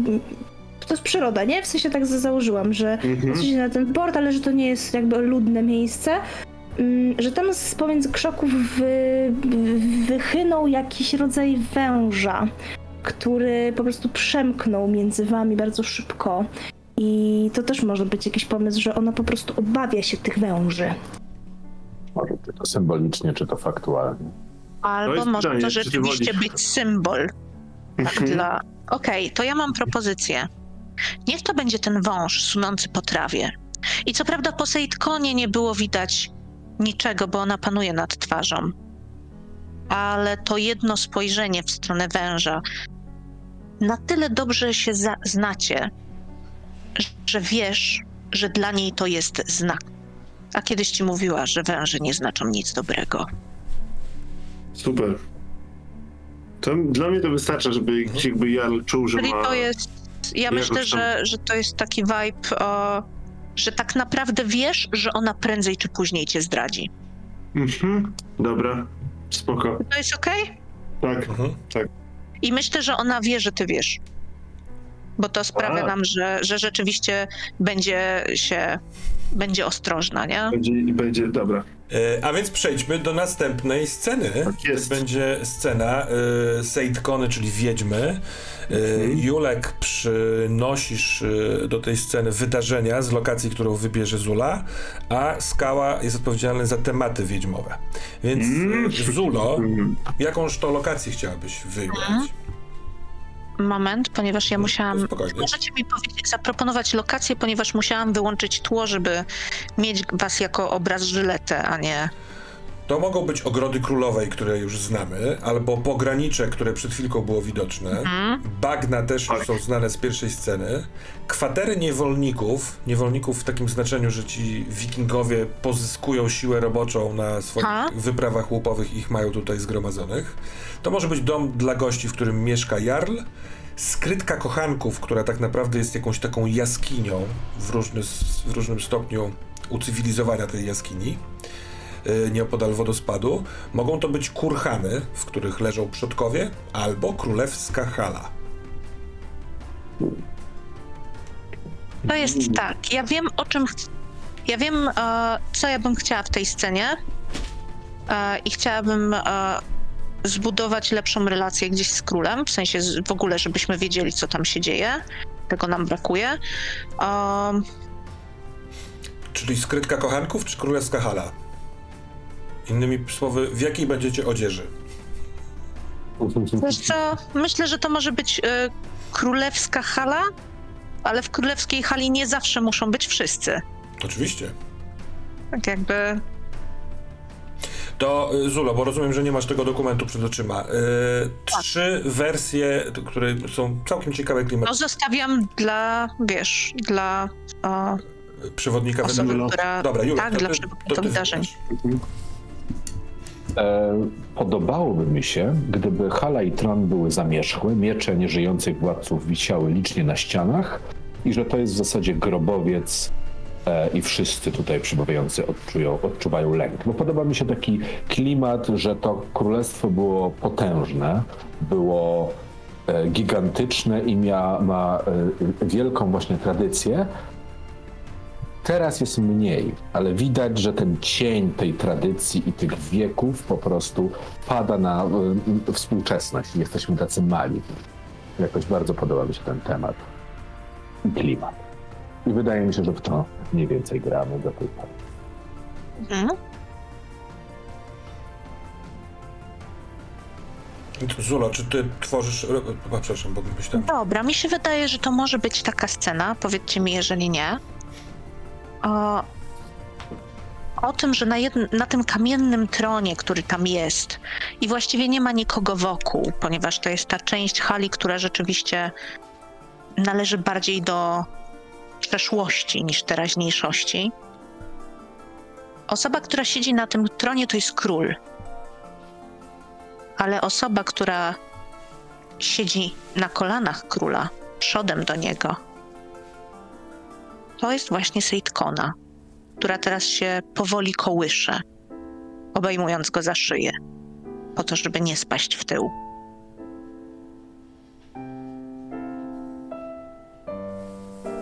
Myślę, że król jest w ciebie, Sejtkona, zapatrzony. E, Patrzy na twoją twarz, na twoje włosy, na twoją szyję, na twój dekolt i myślę, że on pożera cię wzrokiem i czujesz ten wzrok na sobie. Mhm. To jest tak, że ona pochyla się ku jego uchu. uchu. I tak jak zwykle, korzystając z tego, że są tak blisko, pozwala sobie na to, żeby rozmawiali. I to, co tam pada, a nikomu nie przyszłoby do głowy, że padnie właśnie to, to jest Jarl znowu stara się o twoją córkę. Wiesz, że nie będzie z tego nic dobrego. Myśliłem, że mogę zwrócić się do innego królestwa, zaproponować im Juni. Nie Może to możesz, będzie- to jest... To jest niezgodne z zasadami. Nie wiem w takim razie, co powinienem zrobić. Mocniej. Co powinienem zrobić, Said Co powinienem zrobić? Królestwa. Co? Tak, co powinienem zrobić w kwestii królestwa. To jest tak, że ona mu przez dłuższą chwilę nie odpowiada, zajęta zupełnie czymś innym.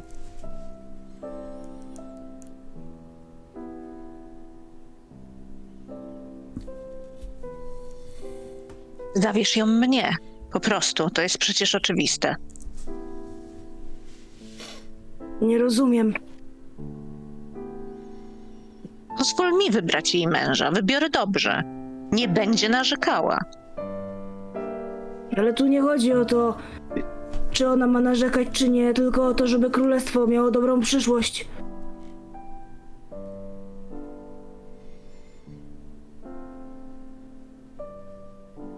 Ja myślę, że to jest ten moment, kiedy ona na chwilę przestaje, patrzy mu w oczy bardzo blisko, stwierdza: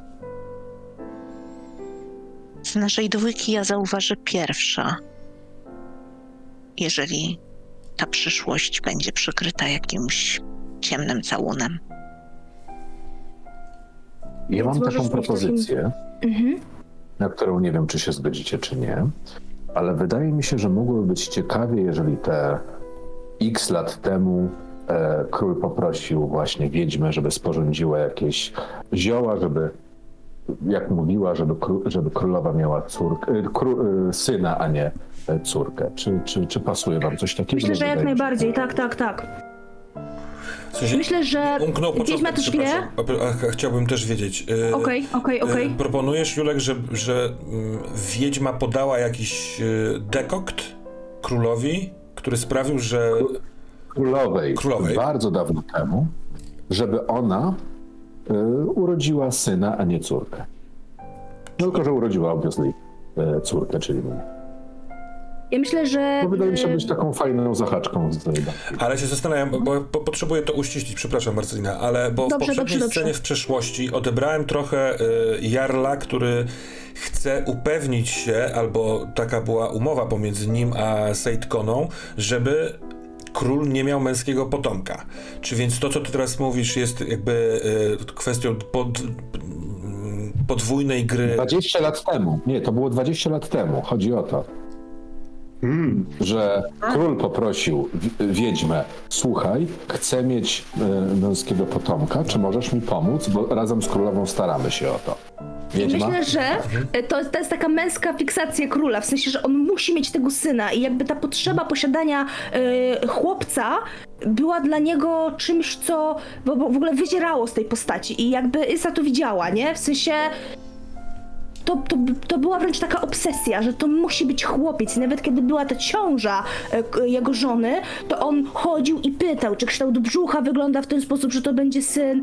No i kiedy to była córka, to jego wszystkie marzenia legły w gruzach. Dobra, to ja to uściślę. Czyli chcecie, żeby Sejtkona została poproszona przez króla o to, żeby zadbała o to, żeby to był męski potomek, po czym to się nie wydarzyło.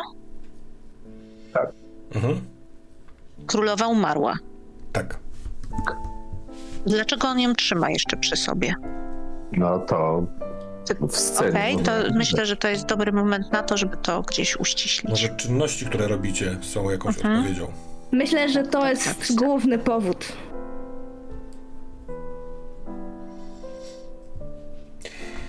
Ja bym chciał coś dołożyć w takim wypadku, skoro jest cisza. Mm. W tej scenie pojawi się rycerz, który absolutnie po uszy jest zakochany w Sejtkonie. I on chłopak. może to zobaczyć, ale e, najpierw jakby zakładam, że e, ty, Irsi, jako że jesteś Sejtkoną, możesz mieć przeczucie albo jakąś magiczną świadomość tego, że nadchodzi ktoś do tej sali. E, tak, bo chcę tobie, jako że to jest twoja scena, pozostawić kwestię tego, czy ja zobaczę to, co zobaczę, czy też nie. Ja myślę, że jej to nie przeszkadza. Dlatego, że z jej perspektywy, jeżeli wszyscy będą wiedzieć, że jest załóżnicą króla dobrze dla niej. Jeżeli Jarl się dowie, że sypia z królem, no właśnie tego chce. Mhm. Na czym ona ma stracić? Tylko zyska na tym, że wszystko się rozniesie. Więc po prostu robi się głośniejsza. Mhm. I to się niesie po tej hali, która tak naprawdę jest miejscem przodków. To sądzę, że jak jest coraz głośniej, a ty mimo tego przeczucia nic nie, sobie nie przeszkadzasz, to w pewnym momencie może wygięcia się w jakiejś rozkoszy e, widzisz. Król możliwe, że nawet tego jeszcze nie widzi, bo e, Sideconę to zasłania, ale w progu stoi rycerz e, z zwieszonymi rękoma, patrząc w to, co widzi powiedzmy bez wyrazu, ale on ma w, prawym, w prawej dłoni długi sztylet, z którego cieknie dziwnie żółtawa posoka, a w lewym ręku bardzo duży wąż, który jest pozbawiony głowy, z którego szyi, tak jakby reszty ciel- cielska, wyciekają krople krwi na posadzkę. Ja myślę, że to jest taka scena właśnie wygięcia, kiedy ona zauważa rycerza i patrzy mu w oczy w trakcie. Tak jakby spodziewała się, że on się wycofa. Nie, nie odważy się przeszkodzić królowi. Dodajmy do tego jeszcze jedną rzecz, bo nie zapominajmy, że Sejtkona jest służką bogów. Więc dodajmy do tej sceny, że kiedy ona się wygina, patrzy na rycerza, gdzieś wraca wzrokiem w stronę, w stronę króla, widzi tę kobietę w bardzo luźnych, przezroczystych szatach, która nie powinna tu być, która jest nieziemsko piękna, która dotyka torsu króla jedną dłonią, a drugą, a, twa, a oczami wpatruje się w Sejtkon, jakby mówiąc, co chcesz zrobić ze swoją potęgą. I zostawia go, ale patrzy cały czas na tę scenę, tak jakby brała w niej udział, ale jednocześnie była dostępna tylko dla ciebie. Ja myślę, że król to czuje, Mhm. a rycerz widzi, jak ona kończy. I tu możemy przerwać. Ja mam jeszcze propozycję mm, słów króla, które mogą paść na sam koniec. Jasne. On dysząc ciężko, e, dosłownie zaraz po tym, jak szczytuje, mówi: Ty, ty mogłabyś dać mi syna.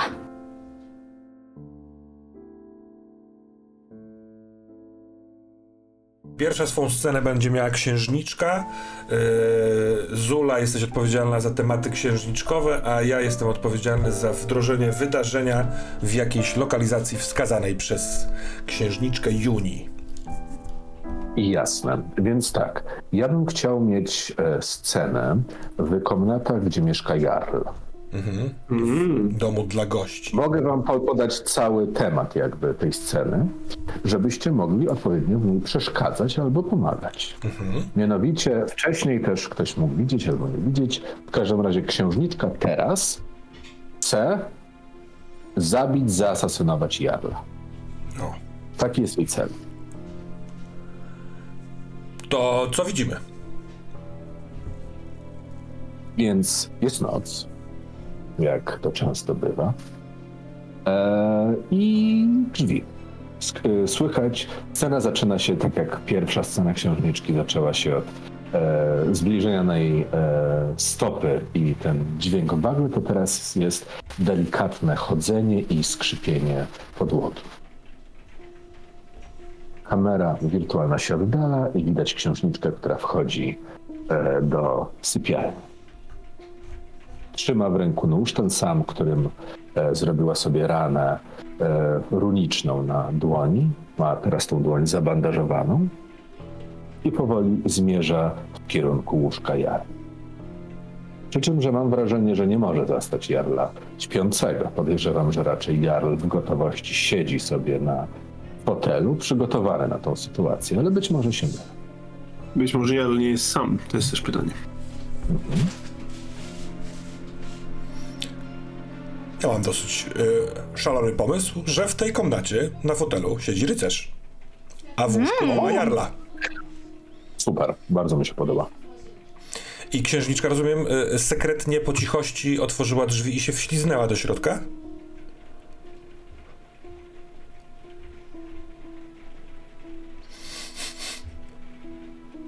Witaj pani. Ulf. Co ty tutaj robisz? Przyszedłeś mnie powstrzymać? Jest za późno. I e, szybko podchodzę do łóżka. Ale odsłaniam i widzę, że Jarla tam jest.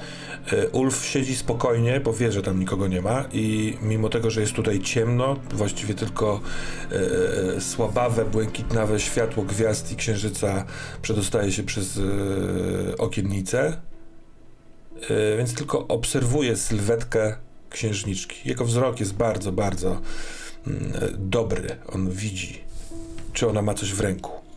Ma? Masz tyle, tak. Gdzie jest Jarl? Chciałabym zaproponować, że ten sztylet ma takie srebrne zdobienia i to srebro się wybija, błyszczy w świetle świecy. Ja dodam, jeżeli to jest ok dla was, że ten sztylet e, na tej głowicy jest zakończony sylwetką węża. Ok? Gdzie jest Jarl? Zaraz ma się tutaj stawić. Wezwał mnie, żebyśmy porozmawiali. Dlaczego w ręku masz sztylet pani?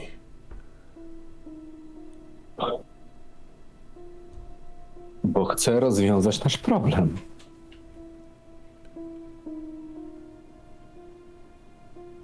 Ulf, jeżeli zginie Jarl, to nic nie będzie stało na przeszkodzie, żebyśmy mogli rządzić tym królestwem ty i ja. Ojciec jest słaby, ja go nazwijmy to kocham, chociaż to słowo już trochę się wypaczyło przez te wszystkie lata, ale będę w stanie przejąć tron i w zasadzie tylko Jarl teraz jest jedyną osobą, która jest w stanie mi przeszkodzić w tym. Poprosiłaś mnie, poprosiłaś mnie o wyznanie miłości, więc pozwolę sobie na szczerość, której normalnie w takiej sytuacji bym nie okazał. Twój pomysł nie jest dobrym rozwiązaniem. Zabicie Jarla spowoduje, że z Gardariki przybędzie tu więcej takich albo i gorszych Jarlów. Czy ty nie rozumiesz, dlaczego twój ojciec chce wydać cię za mąż? Właśnie nie rozumiem. Ale wszyscy próbują mi wymawiać i, i wszyscy wydają się rozumieć oprócz mnie, więc może ty bądź kolejną osobą, która mi wytłumaczy, dlaczego ja nie rozumiem. Tak zrobię, pani. Chcę. I możesz mówić mi wreszcie po imieniu, proszę. Tak, Juni. Nazywam się Juni, jak dobrze wiesz. Dzięki. Juni. Ulf wstaje. Twój ojciec wydaje cię za jarla tylko dlatego. Ulf robi parę kroków, ale nie w stronę księżniczki, tylko tak, żeby stanąć pomiędzy nią a drzwiami. Żeby pomiędzy waszymi państwami zapanował pokój. W ten sposób chcę zagwarantować twoim, twojemu ludowi pokój i spokój od zagrożeń. Nie robi tego dlatego, żebyś ty kochała jego, albo on kochał ciebie. Zrozum to, Juni, że to nie jest absolutnie kwestią, którą ktokolwiek, może poza tobą, rozważa. Uczestniczenie w takim... dodać coś do tej sceny. Będzie to wspomnienie. Eee, Wspomnienie, które Juni posiadasz z jakiegoś takiego dziwnego doświadczenia. Rozmawiałaś wtedy ze swoją matką, ale to nie jest do końca możliwe fizycznie, dlatego że twoja matka nie żyje odkąd byłaś bardzo, bardzo malutka. Ale rozmawiałaś z nią już jako, można powiedzieć, dojrzała kobieta. Objawiła ci się może, kiedy byłaś na bagnach, albo w jakimś takim innym miejscu przysiąkniętym magią. I matka powiedziała ci wtedy kilka słów, które są z tobą nawet w tym momencie. Proszę, nie popełniaj tego samego błędu co ja i nie daj mężczyznom sobą rządzić. To jest najgorsze, co możesz zrobić. To ja bardzo chciałbym do, dołożyć do tego, co ty mówisz, Marcelina, jako y, przewodnik wydarzeń, że w tym momencie, y, droga księżniczko Juni, stojąc przy łożu Jarla i patrząc na rycerza widząc jednocześnie te wspomnienia bardzo żywe, odczuwasz potężną wibrację mocy i twój dar, jeszcze taki młody i nie- nieokiełznany, wypełnia się tą mocą, mając absolutną świadomość, że tu w tej komnacie jest może pod tym szerokim łożem, może gdzieś indziej, jakieś przejście do podziemi, w których ta moc tętni, jej źródło. Możesz pobrać stamtąd wszystko, co chcesz. A on bełkocze dalej. I w ten sposób Jesteś kolejną osobą, która mówi mi, co mam robić. Um, księżniczka zaczyna powoli lewitować, bo moc wchodzi w nią coraz bardziej. Ramiona zaczynają się rozszerzać. Juni, co się dzieje? Przestań mi mówić, co mam robić. Całe życie wszyscy mi mówią, kim mam być, czym mam być i po co mam być. Każdy To z może ja wreszcie jest- chcę sama decydować. Decyduj o tym, kogo kochasz, z kim się spotykasz, z kim wyjeżdżasz i z kim spacerujesz. Ale każdy z nas jest czymś i musi wypełnić swój obowiązek. Ty masz obowiązek wobec ludu. Juni zdecyduje o swojej przyszłości. Zrób to sama. Chcę sama decydować, co jest moim obowiązkiem. Bo teraz czuję, że moim obowiązkiem jest to, żebym zadbała o siebie, a nie o innych wokół mnie. I czuję, że ta aura świetlistości coraz bardziej się rozszerza i czuć taki wibrujący dźwięk na skraju y, słuchu, który jest coraz donośniejszy, coraz, coraz donośniejszy. Całe pomieszczenie zaczyna się trząść i zaczynają być szramy w e, ścianach. Jeżeli coś się nie stanie, to może dojść do jakiegoś magicznego wybuchu zapewne. Więc y, w trakcie tego, te- tej rosnącej mocy słyszysz jeszcze zdanie z ust swego ukochanego, którego może nie chciałabyś słyszeć, ale Ulf mówi nie pozwolę ci zabić Jarla i czynię to, to wobec y, poprzez lojalność, jaką jestem winien. I wycofuje się tak, żeby oprzeć się o drzwi, czyli żeby nikt z zewnątrz nie mógł tu wejść. Czuję, że masz większą lojalność wobec Jarla niż wobec mnie, Wobec osobie, ziemi, którą powiedziały ziemi? po której będziemy stąpać jako kochankowie. Tego chcesz ode mnie, prawda? Tak, chcę, żebyśmy razem byli szczęśliwi na ziemi tylko i wyłącznie dla nas. Czuję, że teraz byłoby dobrze, gdyby ona mocą odepchnęła go i żeby drzwi się otworzyły i żeby pojawił się też Jarl. Czy to jest To może nie być takie proste. Myślę, że warto na to rzucić. Okej. Dobra. To wybierasz, Julku, kto rzuca i kto interpretuje. A poprosiłbym, żeby e, wiedźma rzuciła, a dokładnie e, Okej, wywalczmy pustki. Trzy.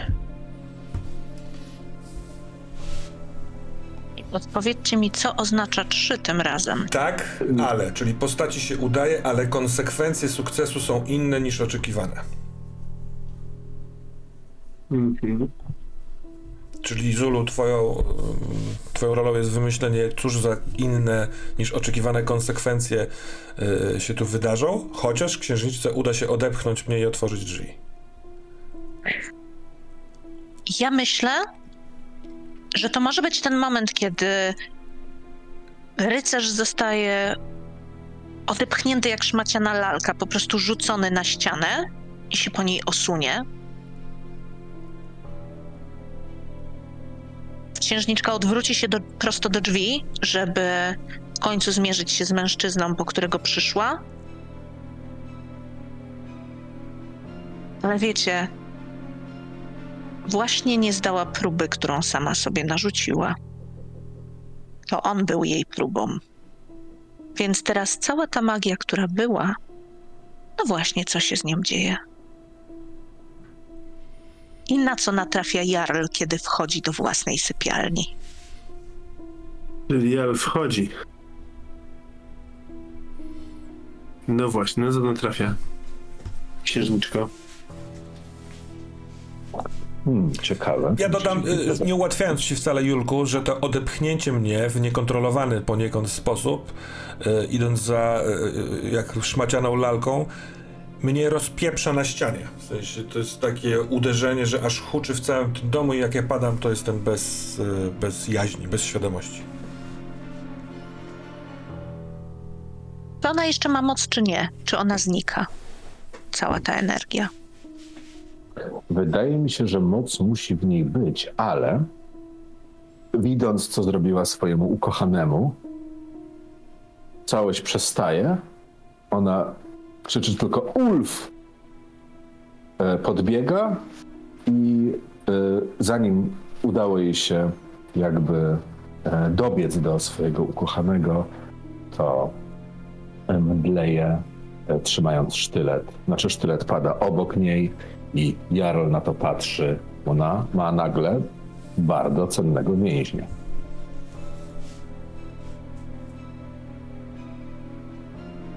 Teraz ja, czy kto teraz? Kto teraz? Teraz. Co się dzieje?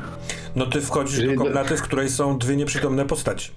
Czy jeżeli dobrze rozumiem, jest nieprzytomna, e, bo jakby, gdzie jest ten, co jest z tym nożem?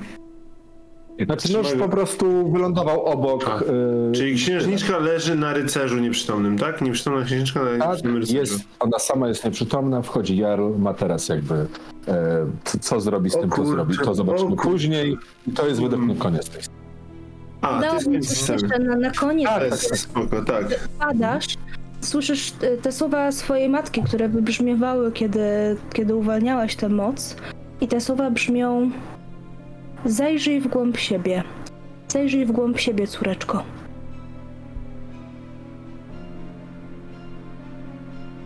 Koniec. Tak, to jest dobre, no. A więc przechodzimy do sceny rycerza. Oho, jakbym był na to gotów. Dobra. E, wydarzenia, e, wydarzeniami operuje Marcelina, a tematy rycerskie wprowadza Julek. I chciałbym dokonać wyboru loka- lokacji. Ja miałem myśl, oczywiście, że tak. E, przenieśmy się do miejsca, w którym nigdy nie byliśmy, czyli do skrytki kochanków. Jest to jaskinia przy wodospadzie i jest to jaskinia. Jest to miejsce suche i niepokojące. E, niegdyś chowano tutaj e, przodków tego królestwa, w sensie no, tych, którzy kiedyś tutaj rządzili, więc to jest taki stary grobowiec, ale zapomniany przez to, że jest w niedostępnym, trudno dostępnym miejscu. Słychać cały czas grzmot e, tego wodospadu. E, dosyć niewielkie pomieszczenie, do którego ktoś, już nie wiadomo kto, przyniósł trochę takich szmat, jakiejś słomy, ażeby kochankowie mogli leżeć. I rycerz jest tutaj i czeka na przyjście y, o umówionej porze y, y, Zajtkony. Czyli rycerz, przepraszam, musimy do, do, do kreślić, rycerz w tej scenie jest osobą, która bywa w tym miejscu jako kochanek. Tak, Zna to miejsce. Tak. Ja dobra. bywam tutaj jako kochanek dwóch kobiet. Czasem spotykam się tutaj z księżniczką, ale czasem też spotykam się tutaj z osobą, która zawładnęła moim sercem, czyli z Irsą. I czekam teraz na Irsę. Y, jestem bez y, y, kolczugi, bo jestem cały omotany jakimiś takimi bandażami i krew z, z lewego barka, w sensie spod tych bandaży wycieka. Siedzę na kamieniu i patrzę w wylot jaskini, na ten taki ruszający się cały czas wodospad, czekając aż przyjdzie ona. Ja myślę, że kiedy Sejtkona przychodzi, to jej pierwsze słowa brzmią w takim stanie to raczej do lazaretu.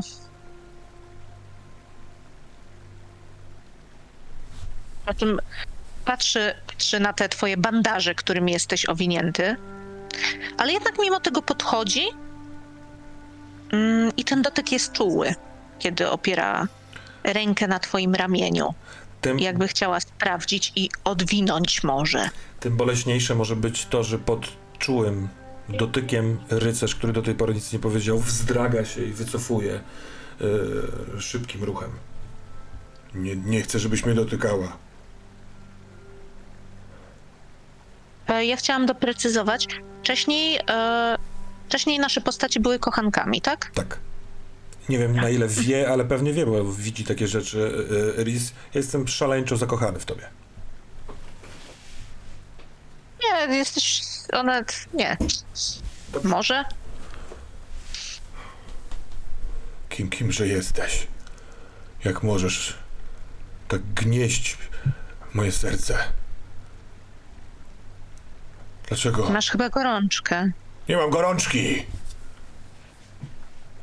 Nie? A wyglądasz na rozpalonego. A ty? Taka wiedząca, taka potężna, nie rozpoznajesz gorączki serca od gorączki ciała? Nie przyszedłem tutaj na schadzkę, tylko przyszedłem tutaj wyznać i wymóc deklarację. Moje serce należy do ciebie. Żyję w, w obowiązku, musząc dzielić ciało z kimś innym. Ale ty? Dlaczego widziałem cię z królem? Pewnie dlatego, że z nim sypiam. Poza tym. Sam mówisz o obowiązku. Każdy ma swoje. Jaki jest twój obowiązek? Chronić królestwo, tak to przynajmniej rozumiem. Uczyć księżniczkę. A ty czego uczysz księżniczki, że wymaga to odwiedzania jej w sypialni? Wstaję. Podobno też chronisz królewne. Wasze królestwo. Yrso. Wyznam ci prawdę, po której wszystko może być już inaczej. Ale skoro od ciebie chcę deklaracji, to też ja muszę być czysty. Jestem sługą Jarla i szpieguję dla niego króla. Mówię mu o wszystkich sprawach, które dzieją się tutaj na dworze po to, żeby doszło do tego małżeństwa gwarantującego pokój obu państwom. Król, któremu służysz, jest śliski i słaby. Dlatego Jarl wysłał mnie, żebym patrzył mu na ręce. Oczywiście, patrząc mu na ręce, musiałem mieć jakąś, jakiś formalny obowiązek. Zająłem się księżniczką, a ta głupio zakochała się we mnie. To jest prawda o, o mnie. Którą. Rycerzu, kiedy, kiedy wyznajesz te wszystkie uczucia, tę prawdę, kiedy mówisz o Jarlu, roz, rozglądasz się, czy może nawet chodzisz po tej, po tej jaskini, bo ta, ta, te emocje w tobie buzują. I jest coś, co, co, co może w tym momencie nie zajmuje cię aż tak bardzo, ale kiedy kończysz, y, kończysz te zdania, mm, wracasz z powrotem do przedmiotu, który dostrzegasz. Na tym sienniku, który został tutaj położony, żeby kochankowie mogli na nim się położyć, mm, przy nim, czy może nawet pod nim, dostrzegasz fragment jakiejś odzieży, czy może jakiś przedmiot. I to jest um, taki obiekt, który rozpoznajesz. To jest obiekt, który należy do Jarla. Tak, jest to zapona do płaszcza. To w połowie zdania, które wypowiadam do ciebie żarliwym tonem, przerywam. Widzisz, że patrz, wpatruje się na coś. Sądzę, że to, to twoja e, kwestia, de decyzja, czy ty poznajesz ten przedmiot, na który ja się nagle wlampi wlampiłem, czy też nie. Ale ja idę do niego, Ja myślę, że nie. Jakby. Idę, kucam, podnoszę to i widzisz, że jestem... Tak, teraz jesteś pewien, to na pewno należy do Jarla. Widziałeś to na nim wielokrotnie. To należy do, do mojego pana. Z kim on tu się spotyka?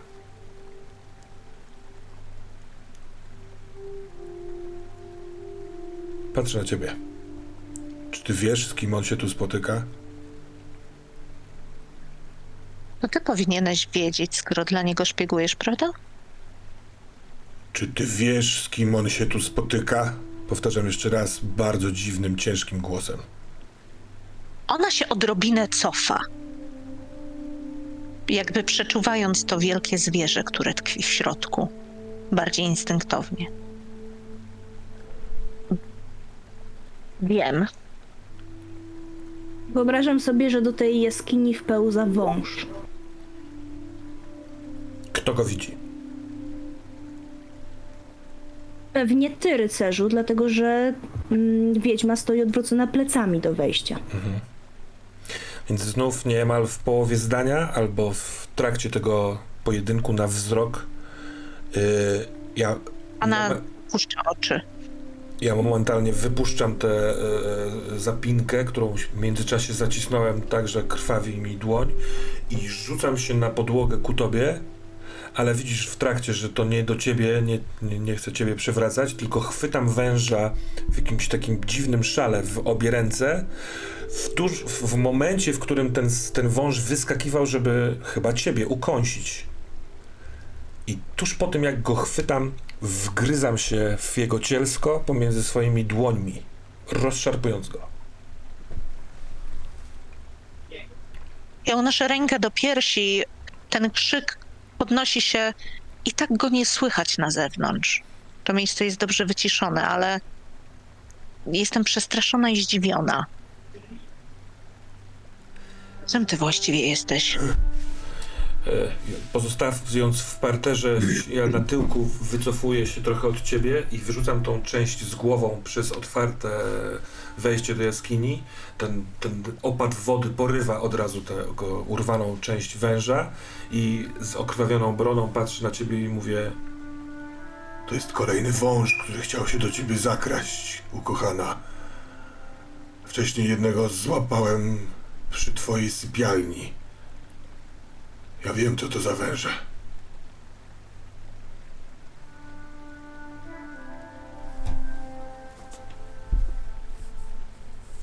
Błagam cię, bądź ze mną szczera.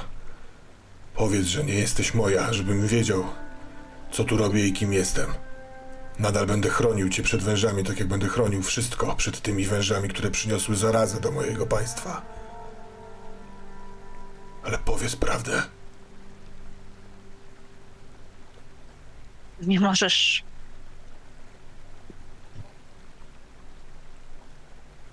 Ja jestem niczyja. Ale kiedyś byłam czyjaś.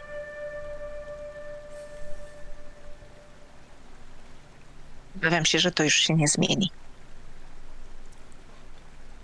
Powinieneś pilnować dziewczyny. Nawet jeżeli to znaczy, że częściej trzymasz ją w łóżku niż gdziekolwiek indziej. A jeśli rzucę mój obowiązek, cisnę go, zdradzając wszystkich, którzy, którzy we mnie wierzą. Tylko po to, żeby spróbować być tym kimś, kto kiedyś złamał ci serce. Ona pochyla się, przyklęka na jedno kolano, dotyka twojej twarzy, ogląda ją palcami jak rzeźbiarz.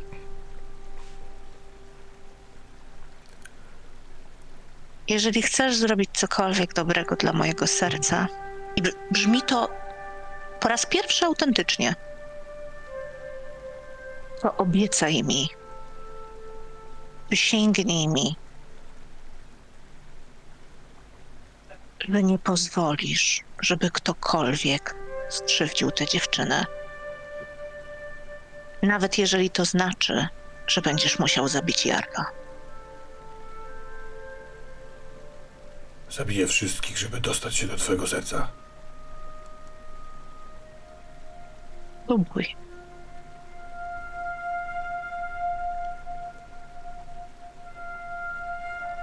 No to myślę, że ja to zakończę dramatycznym, może trochę nastoletnim, ale powstanięciem na nogi i po prostu wyskoczeniem przez, przez drzwi otwarte, czyli przelatuję przez wodę i wpadam do, tej, do tego bajora, który jest pod spodem. Więcej szczegółów. Ja to rzucam tylko po to, żeby bardziej się w tej scenie. Więcej szczegółów. Jak to wygląda, kiedy on wyskakuje? Eee, wspaniale. Atletycznie, t- sprawnie, mimo tego, że jest ewidentnie ranny, to jakaś e, duża siła go wypycha. On, on nie baczy na to, co się z nim stanie, a z drugiej strony może wie absolutnie, że jego ciało sobie poradzi z jakimkolwiek upadkiem. Wpada do, na główkę e, wyprostowaną sylwetką. Może on marzy o tym, żeby tak było. Zajtkona wychyliła się, żeby spojrzeć, cóż, ten, cóż on robi, co on chce sobie zrobić, ale po chwili zobaczyła, że on wypłynął tuż przy brzegu i od razu spojrzał w wejście jaskini, żeby sprawdzić, czy zobaczy nam twarz ukochanej. Złapał cię, czy... Piękne. Ja myślę, że, że złapał tę twarz, zobaczył ją i krawędź ubrania i to tylko sprawia, że ma więcej nadziei. Koniec. Super. A więc przechodzimy do sceny e, króla. Wydarzeniami w tej lokacji będzie zarządzał skała, a tematami ja. Och, Ja się muszę zastanowić, gdzie życzę. gdzie właśnie. życzę. Ja bym życzyła, żeby król w tej scenie znalazł się w swojej królewskiej hali. mm. Ale może nie w takich okolicznościach, w jakich widzieliśmy go ostatnio. Może te okoliczności są bardziej oficjalne, może kogoś przyjmuje, może jakiś posłów, a może jest to sam Jarl. Kto wie? Czyli kto ja mam wie. wybrać? Mam wybrać, co się działo? Dobrze. Mhm. Czyli y, wciąż mamy na ścianach miecze nieżyjących władców Mhm. i wciąż czujemy się, jakbyśmy byli w takim... To sklepienie sprawia, że czujemy się jak w grobowcu, ale jest tu mnóstwo ludzi. To są e, poddani Jarla. Poddani króla, poddani króla, przepraszam, poddani króla to są ludzie, którzy zawdzięczają mu wiele. Oni rozmawiają między sobą, czekając na to, co się wydarzy, ponieważ wiedzą, że to jest scena, w której król przyjmuje poselstwo z innego królestwa, z innego królestwa, czyli Jarla. Kogoś, kto dla nich niekoniecznie jest kimś ważniejszym, więc jest e, gwar rozmów, jest e, ciepło, bo ci ludzie wypełniają tę halę ciepłem, jest uroczyście. Jak w tej sytuacji wygląda król? Jak się czuje? Król siedzi na tronie, mm, lewo, lewą ręką opiera y, tutaj łokieć tej ręki o... Nie wiem jak to się nazywa, poręcz tego tronu? Ten taki Ładnie. wiecie, zagłówek dla ręki. Tak, tak. E, a y, y, tutaj y, brodę ma opartą o pięść swoją. Ogląda. Myślę, że sobie obserwuje tych ludzi, bada ich, e, zastanawia się też, co, co oni myślą, co mają w głowach, co o nim myślą też przede wszystkim. Mm, I myślę też, że jest bardzo skupiony i to skupienie widać na jego twarzy, dlatego że jego myśli wędrują raz po raz do tego, co wydarzy się za chwilę. Król nie wie, co zrobić. Wie, że to jest ważny moment, ale wie też, że może nie być do końca panem tej sytuacji i zastanawia się, jak z niej wyjść, żeby tym panem się okazać. To, co bym dodał, to, co bym dodał do tej sytuacji, to jest to, że gdzieś w tłumie osób, które stoją, tych najbliżej, e, najbliżej tronu jest rycerz, który musi chronić króla i wie, że to jest jego obowiązek. Mhm. E, Seid Kone, Kone jest gdzieś w, w tłumie dalej, zależy od tego, to zaraz się dowiemy, gdzie by chciała być, ale tak, żeby widzieć, co się dzieje, niekoniecznie być na świeczniku, a księżniczka patrzy z, e, z korytarzy, które są spowite mrokiem, żeby słyszeć rozmowę, ale niekoniecznie brać w niej udział, ale gdyby chciała, zawsze może zrobić szum. Natomiast Czyli- kiedy drzwi... Mhm, czyli w tak, to scenie jest księżniczka nie została, księżniczka. nie została pojmana? Racja, księżniczka mogła zostać pojmana. Czyli w scenie jest Już wiemy, o czym jest to poselstwo. No E, właśnie, dobrze. Czy rycerz jest w scenie, bo nie załapałam tego? Jest. Jest. Dobrze, dobrze, dobrze, dobrze. Mhm. Więc w tej, na pewno w tej scenie są z chrzęstem otwierane drzwi i jest ta niezbyt wysoka postać mężczyzny, który swoje mięśnie oblekł już w tłuszcz, ma mnóstwo futra, mnóstwo tkanin, srebrne i złote pierścienie na rękach. Jarl wchodzi trochę jak do siebie. Oczywiście. Ja mam propozycję, ale to jest dość... Ja mam propozycję, ale to jest dość gruba propozycja. Aha. I bardzo zmieni tę scenę oczywiście. W sensie, że Jarl wchodzi, a za nim jest wtaczana, przykryta dużą płachtą klatka. Idziemy w to. Tak, znaczy w sensie ja jestem za. Nie wiem jak inni, ja jestem za, to mi się podoba. Cudnie. Robimy to. Jest poryte, róbmy to. Myślę, że król w takim razie marszczy brwi, patrząc na klatkę. Tego się nie spodziewał. Rozważał w głowie rozliczne scenariusze, ale klatka nie znajdowała się w nich. Przyjacielu, nadchodzi czas, kiedy musisz podjąć decyzję. Czy twoja córka? Inaczej. Czy jesteś gotów oddać mi swoją córkę za żonę? Witam cię, Jarlu. W moich skromnych progach. Nie wiem, jak to robi się w twoich krainach, ale u mnie szanujemy tradycje i najpierw przystępujemy do obrzędu powitań, a potem dopiero mówimy o roszczeniach. W mojej krainie przodkowie nie mówią mi, co mam robić. W mojej krainie ja decyduję, co się dzieje. Bo tytuł Jarla należy do mnie. Więc, jako król, nie klękaj przed zmarłymi, tylko powiedz tak lub nie, bo wiele od tego zależy. To masz w tej klatce, Jarlu. Spróbuj zgadnąć. Szlachetny Nafni. Rycerz próbuje y, zgadnąć węchem. Serce mu bije, bo on zaczyna się e, martwić, że domyśla się, że to co to jest, ale on chce e, rozpoznać, czy zapach, który jest pod, w klatce.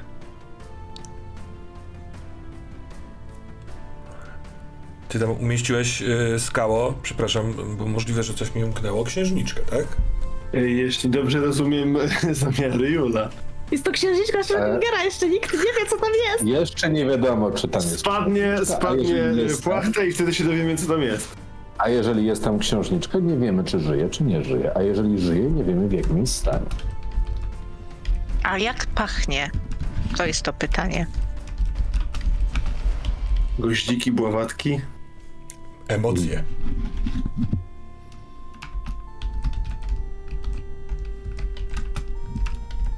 Yy, myślę, że to Jula musi powiedzieć, co czuć spod płachty. Wydaje mi się, że perfumy e, księżniczki oraz uryna. Strach? Strach jest we Na mnie. Pewno. po tym jak rozumiem, co tam jest. Yy, ja się naprężam tak, żeby nie było tego widać. Yy, staram się zachować konwenans, ale jestem bardzo czujny i jestem ciekaw, co odpowie i jak to rozegra król. Ponawiam moje pytanie. Co masz w klatce, Jarlu? Niezwykłem bawić się w zgadywanki. Jestem na to za stary. Może w ogóle jesteś za stary królu. Masz u siebie doradców, którzy ci nie służą. Liczysz na wzajemność osób, które nie są ci wierne. A niektórzy z twoich sługów prędzej ugryźliby twoją dłoń, niż przyjęli z niej podarki. Może czas wstać i oddać tron komuś, kto się do tego nadaje lepiej. E, spojrzeć na rycerza, dać mu głową taki gest, który powiedziałby mu, że to jest moment na podejście do klatki i odkrycie, co tam się znajduje. Jest po prostu w stronę. W każdy krok to ważenie myśli, co zrobię. Ale za mało czasu było, za krótka odległość, więc chwytam tą płachtę i wiedząc, co tam zostanę, zrywam ją. Od razu próbując zobaczyć kłudę czy zamek, jaki jest yy, na tej klatce. Co widać w środ- po zdjęciu płachty, Julku? E, widać księżniczkę, która ma tą samą sukienkę, w której była, przy czym, że jest przykuta kajdankami do tej klatki, zarówno jej dłonie, jak i stopy. Twarz jest schowana pod y, włosami. Nie rusz. Król wstaje ze swojego tronu. Małżonce można wybaczyć wiele. Czasem się zapomni i wściekła sięgnie po wałek i zechce zabić męża. Ale córce władcy innego kraju... Cóż, próbę morderstwa można przypisać tylko szpiegowskim zamiarom. Zdradzie, niechęci, nienawiści, próbie wywołania wojny. Ty wybierz królu, co to będzie.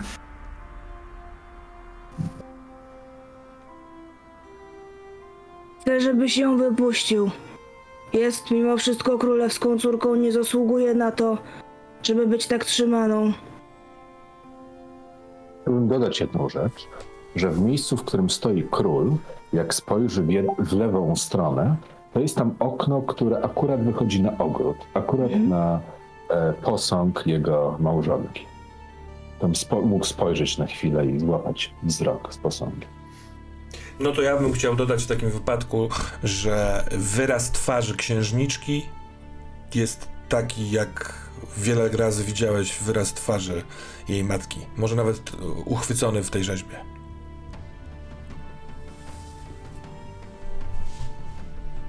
Jeżeli potrzebujesz okupu, zapłacę ci. Tak, na tych ziemiach radzimy sobie z pojmanymi.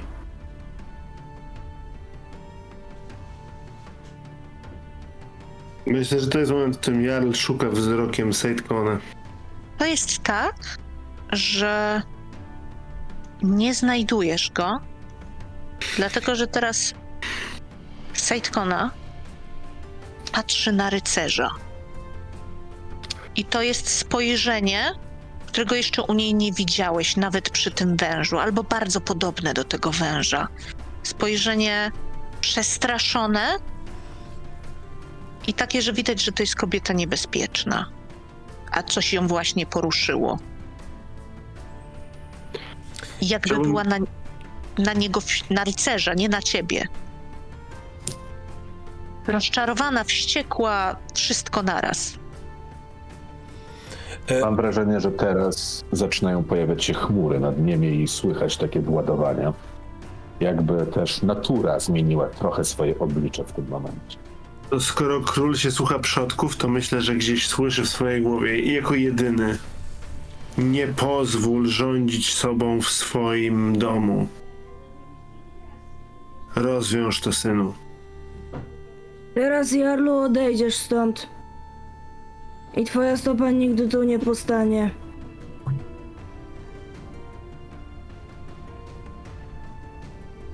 Jesteś słabym władcą. Mogę to udowodnić stając z tobą do pojedynku. Pokonam cię. Nie.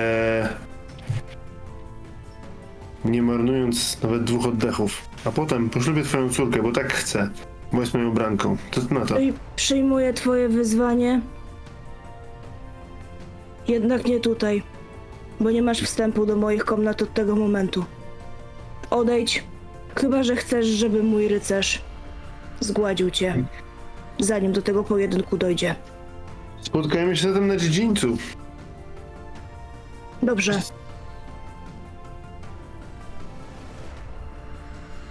Czy ty, Jarlu, wychodzisz? W sensie odwracasz się, żeby Tak. wyjść? Myślę, że to jest moment, w którym Jarl się wychodzi, ale również daje znak, żeby klatkę wyprowadzono raz z nim.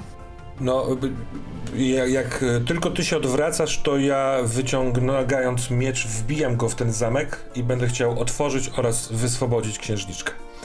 Więc to też jest dla ciebie jasne, y, Jarlu, y, że działam wbrew temu znakowi, który dałeś swoim ludziom. Mhm. No to jest pytanie, co na to król, bo to jest scena króla, więc jakby... no myślę, że król tego oczekuje, to jest chyba Mhm. spojrzenie na rycerza. To jest ten moment, kiedy rycerz uwalnia księżniczkę. Król rzeczywiście tego wymaga. Myślę, że sam też dobywa miecza, który mimo wszystko ma przypięty gdzieś do pasa. To Jarl bardzo szybko wychodzi na dziedziniec, licząc na to, że cokolwiek mu się uda uratować, uda mu się uratować tym pojedynkiem, bo czuje, że stracił swoje, e, to co miał w rękach. Miał w rękach wiedźmę, której nie ma, miał w rękach e, rycerza, który działał przeciwko niemu i miał w rękach króla, który nagle zaczyna się stawiać, więc nie czuje tej sytuacji.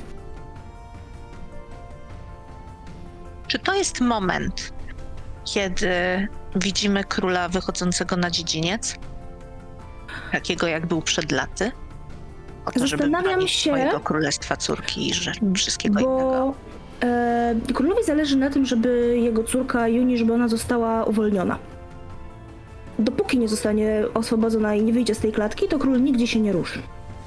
Więc On król, podchodzi do. No. tak, król widzi, że y, po tym jak otworzyłem drzwi klatki, y, otworzyłem także klamry na nadgarstkach y, księżniczki i ją oswobadzam trzymając ją w takim objęciu, trochę zakładając, że może być osłabiona i się przewrócić, więc ja ją podtrzymuję. Księżniczka chwyta się łapczywie tak, żeby utrzymać równowagę. Wyobrażam sobie, że wy jesteście gdzieś na ziemi, nie? W sensie ona pół siedzi, pół leży, tak to sobie wyobrażam, ty ją trzymasz w objęciach rycerzu. E, I król staje przy was. E, zdejmuje swoją srebrną koronę i kładzie księżniczce na podołku. Nie wkłada jej na głowę, licząc, że jeszcze ją odzyska. Ale gdyby to się nie stało, myślę, że rozumiesz ten gest, Juni. Myślę, Tak, że... wydaje mi się, że spotykają się wzrokiem. Mhm.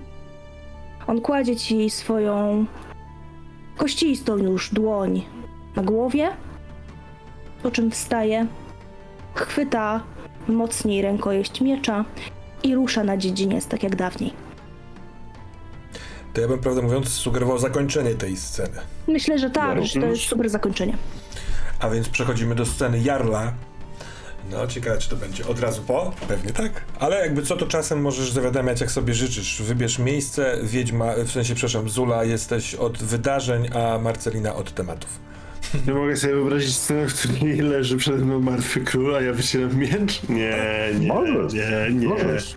Nie, myślę, że scena wycierania miecza jest jak najbardziej prawdziwa, ale wyobrażam sobie te ciemne łowiane chmury, z których raz na jakiś czas biją pioruny, y, jest... y, Pojawia się pierwsze krople deszczu, ciężkiego, takiego, który chce temu wszystkiemu zwiastować e, to, że niebo płacze, patrzy na to wszystko i nie jest zadowolone, ale gdzieś tam są węże, które się przewijają pomiędzy krzakami, gdzieś wchodzą, może zakopują się pod ziemię, może wręcz przeciwnie wyłażą sycząc i Jarl, który naciera miecz zielono-żółtą substancją, e, wykorzystując taką e, materiałową gąbkę do tego, żeby pokryć śluzem swoje ostrze, bo Jarl chce, żeby pierwszy cios, który zada, nawet jeżeli tylko zrani króla, spowodował, że chwilę później król padnie martwy.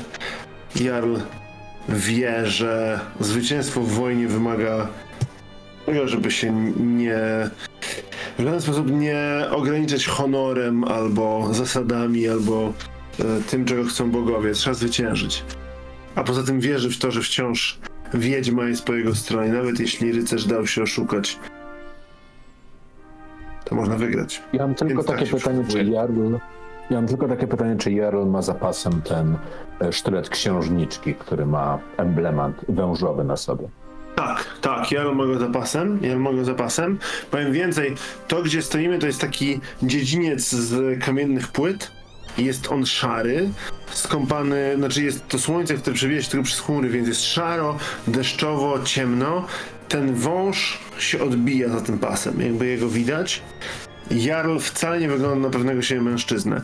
Brzuch zwisa nieco niżej niż zwykle, ramiona są lekko opuszczone. Jego te wszystkie wydarzenia, które były w sali tronowej, lekko przybiły.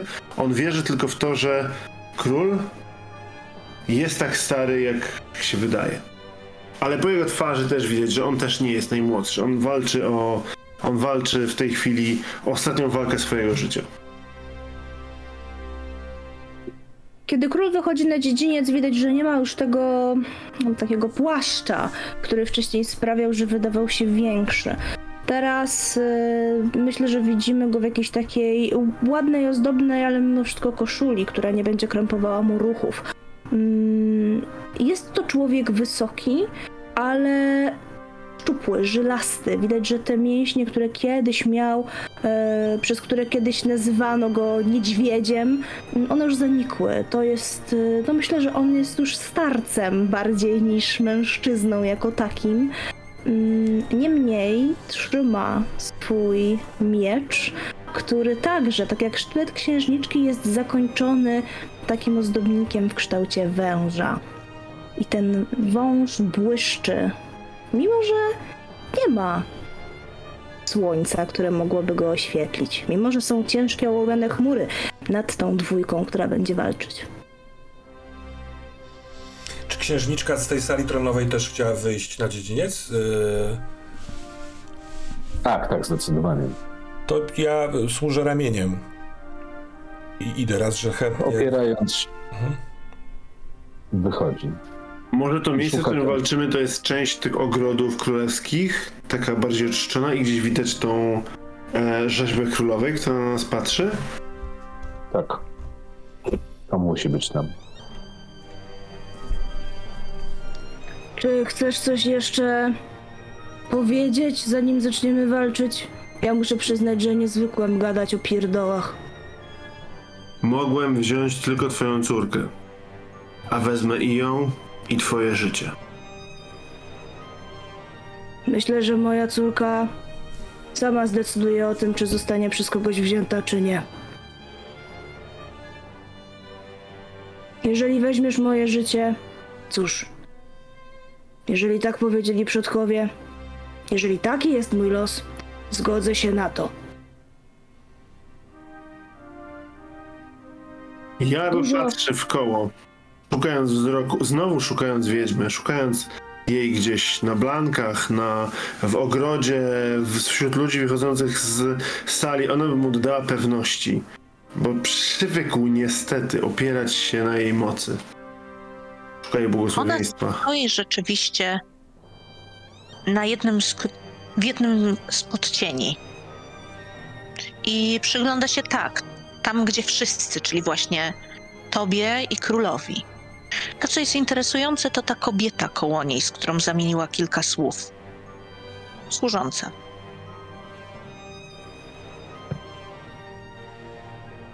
Ale zdajesz sobie sprawę, że Sejtkona ocenia teraz ciężko spoj- ciężko zauważyć po tym, jak gdzie ona stoi, któremu z was się przygląda dokładnie. Ja myślę, że ona stoi gdzieś po środku, że ta odległość jest bardzo podobna od jednego do drugiego, nie?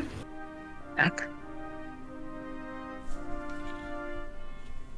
Natomiast wychwytujesz, jakim czujnym spojrzeniem, może nawet nieco matczynym, objęła księżniczkę, zanim wróciła z powrotem tam, gdzie, gdzie cała reszta.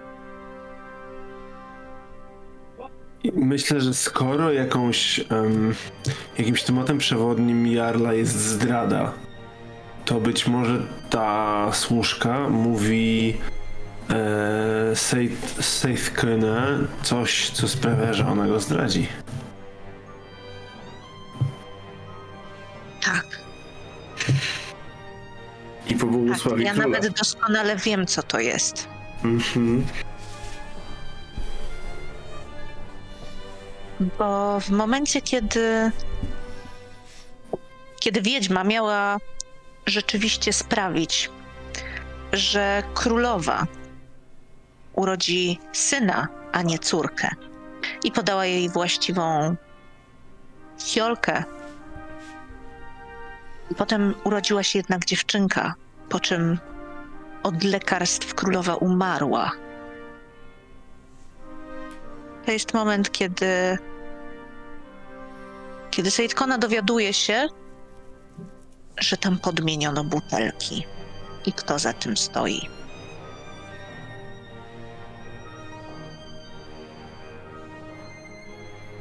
Czy nie? Spoko, co się dzieje? Co się dzieje? Kto jest teraz, kto, kto tutaj Aha. zarządza? Ty! Kto zarządza? Ja, znaczy ja jestem, e, ja, ja tylko z- odpowiadam za moją postać, a kto zarządza e, wydarzeniami w tej scenie? Nie W zasadzie też spojrzę. Nie no, wydarzeniami zarządzasz i ty, ale wydarzenia y, tego, tej lokacji może wrzucać też Zula. Natomiast Okej. scena chyba jest o Tak. pojedynku albo o upadku tego Dobrze. pojedynku. No to w takim razie ja myślę, że po prostu Jarl rzuca się z mieczem na króla, a zostawmy kostce to. E, Jarl chce króla zabić w tej scenie. O, zobaczmy co się stanie. Czekajmy sekundę. Wydaje mi się, że zaczął Poczekaj, poczekaj. deszcz. Zula, jesteś? Słyszysz? Nie, bo straciliśmy Zulę, więc nie ma co. Dobra, teraz już tak. Tak, jest? W momencie, Dobra. kiedy powiedziałeś. Tak, teraz tak, ale usłyszałam tylko zobaczmy, co się stanie, skały. Y, No, Skała y, zadeklarował, że z mieczem y, y, rzuca się na króla i Jolek dołożył deszcz do tej sceny. Aha, Musi być deszcz. musi być deszcz. Pioruny, tak jest. To ważne, myślę, że ten posąg królowej stoi w takim miejscu, że ta woda na niego nie skapuje. Może pod jakimś drzewem albo jakąś, jakimś baldachimem. Także ten posąg jest na razie suchy. Super. A więc Ja się chcę upewnić, upewnić, czy ja nie, nie zaostrzę w tej scenie, jakby to jest okej, że to będzie pojedynek na śmierć życie dla wszystkich. Kurde, super! wreszcie. Dobrze, dobrze, dobrze. Ja to chciałem rzuca zabić cztery więc... Kto rzuca scenę, kto rzuca kością? To ty decydujesz i interpretujesz No właśnie, kto rzuca i jaki jest rezultat? W sensie, czy to jest rezultat, czy Jarl zabije króla, tak? Tak, Okej, i to rzuca termus. Dobra, dobra. Let's do it. Jeden. Z tego kanału. Co znaczy jeden? Tak i. Postaci się udaje nawet lepiej niż planowała, może nawet za bardzo. Kurczę, no to interpretuj to, Dobra, panie i władco. a więc po trwającym chwilkę, może parę minut, bo to są staruszkowie, pojedynku na miecze, e, które się zderzają z, ze sobą, widać wprawę u obu mężczyzn, u obu wojów, może trochę przypruszoną, natomiast e, żaden z nich nie chce poddać pola. Ale w pewnym momencie y, atak Jarla, mocniejszy niż poprzednie, sprawia, że król lekko ugina się na nogach. Y, Jarl, wyczuwając to, od razu poprawia, jeszcze bardziej go uginając, a wtedy z nienacka przykręca miecz i wbija go sztychem prosto w gardło króla. Jest to bardzo brutalne uderzenie, ponieważ siła Jarla i, i moc tego miecza sprawia, że to gardło rozpruwa się i głowa króla martwego właściwie za chwilkę przekrzywia się dziwnie, a i tętnicza krew wytryskiwuje tak, że spada kawałek tej, tej krwi na posąg matki. I to jest moment, w którym odzywa się piorun, a księżniczka czuje, że pod ziemią, tak jak wcześniej czuła wielkie źródło mocy, jak to źródło zaczyna się wsiorbywać w siebie. Więc y, Jarl nie tylko y, zabija króla, ale także w jakiś sposób y, wpływa to na duże, duże osłabienie mocy. Co wy na to? Czy to nie jest przygięte? I to jest moment, w którym ja bym skończył tę scenę i oddaję wiedźmie. Czy to jest okej, czy nie? Dla mnie okej. A zostajemy w tym samym miejscu, Zulu? Myślę, że tak. No dobra, to jakby co to eventy z y, ogrodu wrzuca Julek, a tematy z Sejtkony wrzuca Skała. Wiecie co, zostańmy w tym miejscu, w którym jesteśmy w tej czasoprzestrzeni. Dobra? I jedziemy dalej. Bo potem są epilogi i one nam załatwią rzeczy. Wydaje mi się, że reakcje innych ludzi na wydarzenia, te, które się dzieją, są dość fajne i istotne. Ale mamy scenę Zejtkony Irsy, więc może Zulu chcesz jakby wprowadzić nas do tej sceny ze swojego punktu widzenia, y, bo to o, o, o Wiedźmie będzie ta scena. Ja myślę, że ona jest wzburzona w momencie, kiedy dowiaduje się rzeczy, których nie chciała się dowiedzieć, czy raczej których. Jest, dzieje się to, czego się spodziewała, że Jarl nie mówił jej wielu rzeczy i był ostrożniejszym mężczyzną niż chciała mu przypisać. Potem widzi króla, którego pamięta jeszcze jako silnego, wielkiego mężczyznę, jak ten upada. I na moment rzeczywiście znowu jest wojownikiem. Ale tylko na moment. Zanim jego twarz uderza o bruk i zostaje zalana resztą krwi. I to jest moment, kiedy ona obraca się ku księżniczce, chcąc ją zmusić, przekonać do tego, żeby wypuściła swoją moc, żeby wypuściła Seid i obroniła siebie i zabiła Jarl. To jest też moment, kiedy Seid Kona się odsłania przed Jarlem, chociaż on właśnie wygrał. Więc tak, to jest ten krzyk w stronę księżniczki, Teraz, uderz w niego teraz! Księżniczka próbuje zaczerpnąć e, moc i energię, ale tylko krzyczy, ale tutaj nic nie ma wokół mnie, coś się stało. Została przerwana więź z przodkami, ale wtedy przypomina sobie słowa swojej matki. E, Patrz w siebie i co jest w tobie, a nie na zewnątrz.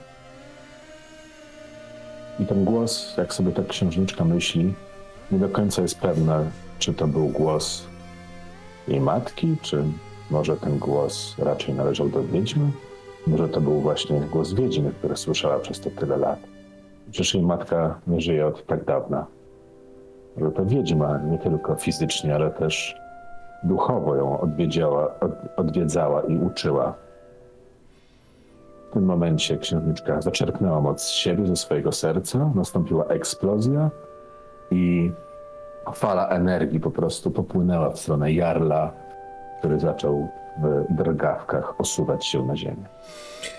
Ja nie sądzę, żeby to było aż takie proste. Dziękuję, bo ja to chciałem powiedzieć, nie precyznujesz frazy. E, po, po, pomysł jest cudowny i wspaniały, ale sądzę, że Tak. tam mogą ciekawie Kom- pokręcić. kombinykacje są super. Tak, A To więc to sprawdza. stawką chyba jest to, żeby y, księżniczka z eksplozją mocy pokonała Jarla. Tak? Dobrze myślę? Y, Jolku, chyba ty decyduj, kto rzuca i interpretuje. E, Wolałbym, żeby zadecydo- zadecydowała wiedźma, bo to jest jakby jej scena. W sumie tak. E, Marcelina, turlaj dla nas. Tylko ja nie, nie będę wiedzieć, co mi wyjdzie, nie? W sensie będziecie musieli mi To powiedzieć. s- Dobra. Termos powie. Dwa. Dwa to jest tak, Super, ale. tylko że nie. Czyli, czyli postaci Dobra. się udaje, Mhm. ale Mhm, dobra. y, jej albo komuś, na kim zależy, wali się coś niezwiązanego bezpośrednio z testem. Nice. Albo księżniczce, albo komuś, komu No. księżni- na kim księżniczce zależy. Mhm, mhm, mhm, mhm. I. Aha, to ja nie daję propozycji, bo to moja scena. Ja się zastanawiam, myślę o dwóch rzeczach. Albo może zostać skrzywdzony rycerz. Może tak, może tak zróbmy. Ta moc, której używa księżniczka, ona rzeczywiście leci w stronę Jarla i jest bardzo niszczycielska. Ona nigdy nie była tak niszczycielska, więc ona po prostu go chce użyć, coś anihiluje. No, no. Niszczycielska i wielka, ale jeszcze nam wchodzi to, co było powiedziane na samym początku. Zróbmy może klamrę. Mhm. A co z wielkim stworem, który tak jakby jest teraz totalnie do, do opanowania przez księżniczkę?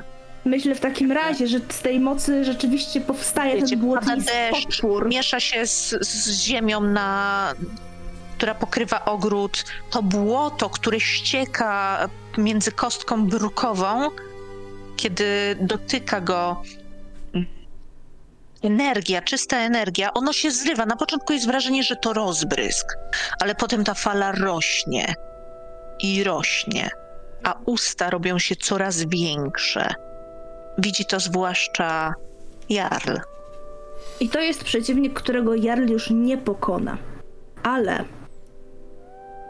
odrzut tej mocy jest na tyle niszczycielski, że żeby stworzyć tak potężnego przeciwnika dla, mm, dla mężczyzny, którego księżniczka nienawidzi, trzeba było zaczerpnąć z innych.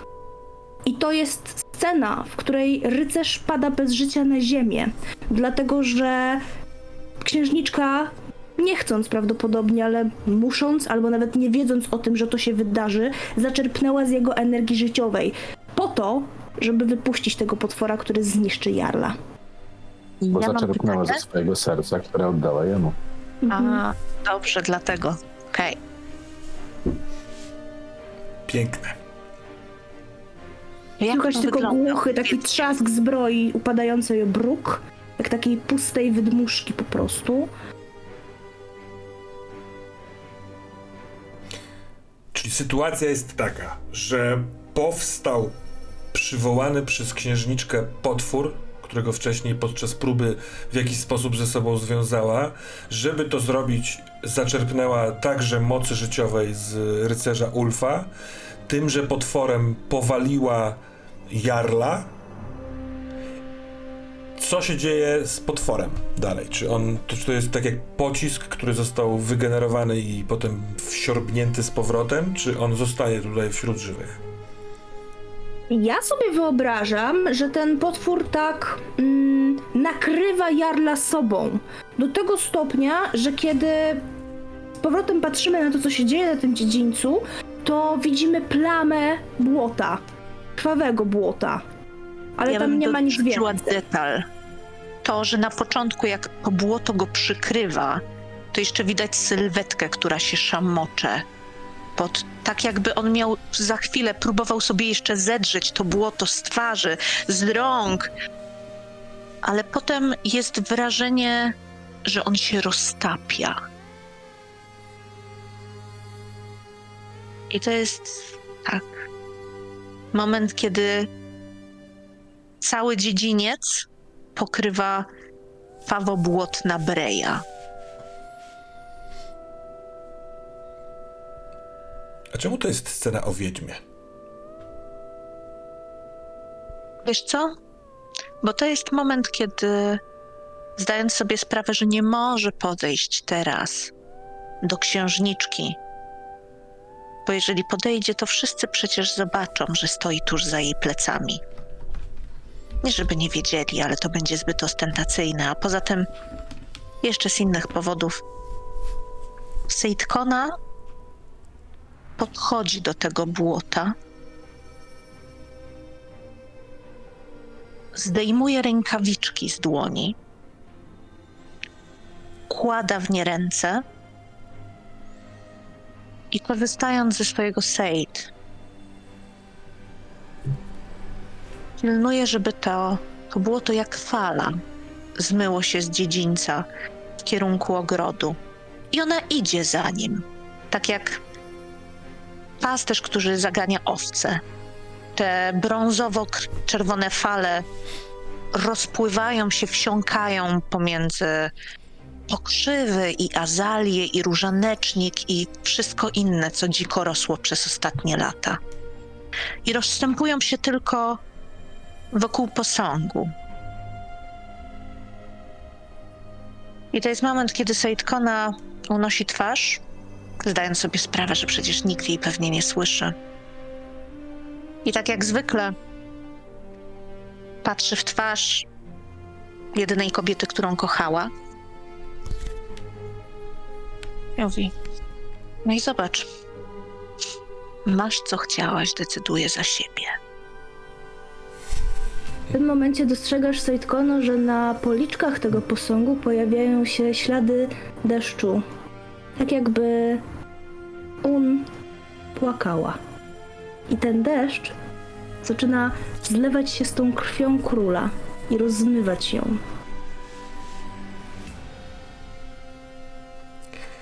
Proponuję Ona tam przejść, stoi jeszcze długo. przejść do epilogów. E, czy, czy kontynuujemy kolejność, jaką mieliśmy? Czy ktoś ma pomysł już na swój i chce rozpocząć? Julku, możemy zacząć od księżniczki? E, nie za, Dajmy sobie chwilkę, jak trzeba, oczywiście, żeby to były. tak, tak, no się zastanawiam. Ja mogę zacząć epilogiem, ponieważ tak naprawdę mój epilog, to co najważniejsze miałam do powiedzenia o tej postaci, padło. Więc mogę nam narysować sytuację epilogowo, co się moim zdaniem dzieje dalej. Przynajmniej częściowo. Poczekaj, my to robimy monologiem czy scenami? Pokazujemy. Forma Pokazujemy. jest dowolna, moim zdaniem. Jak chcemy.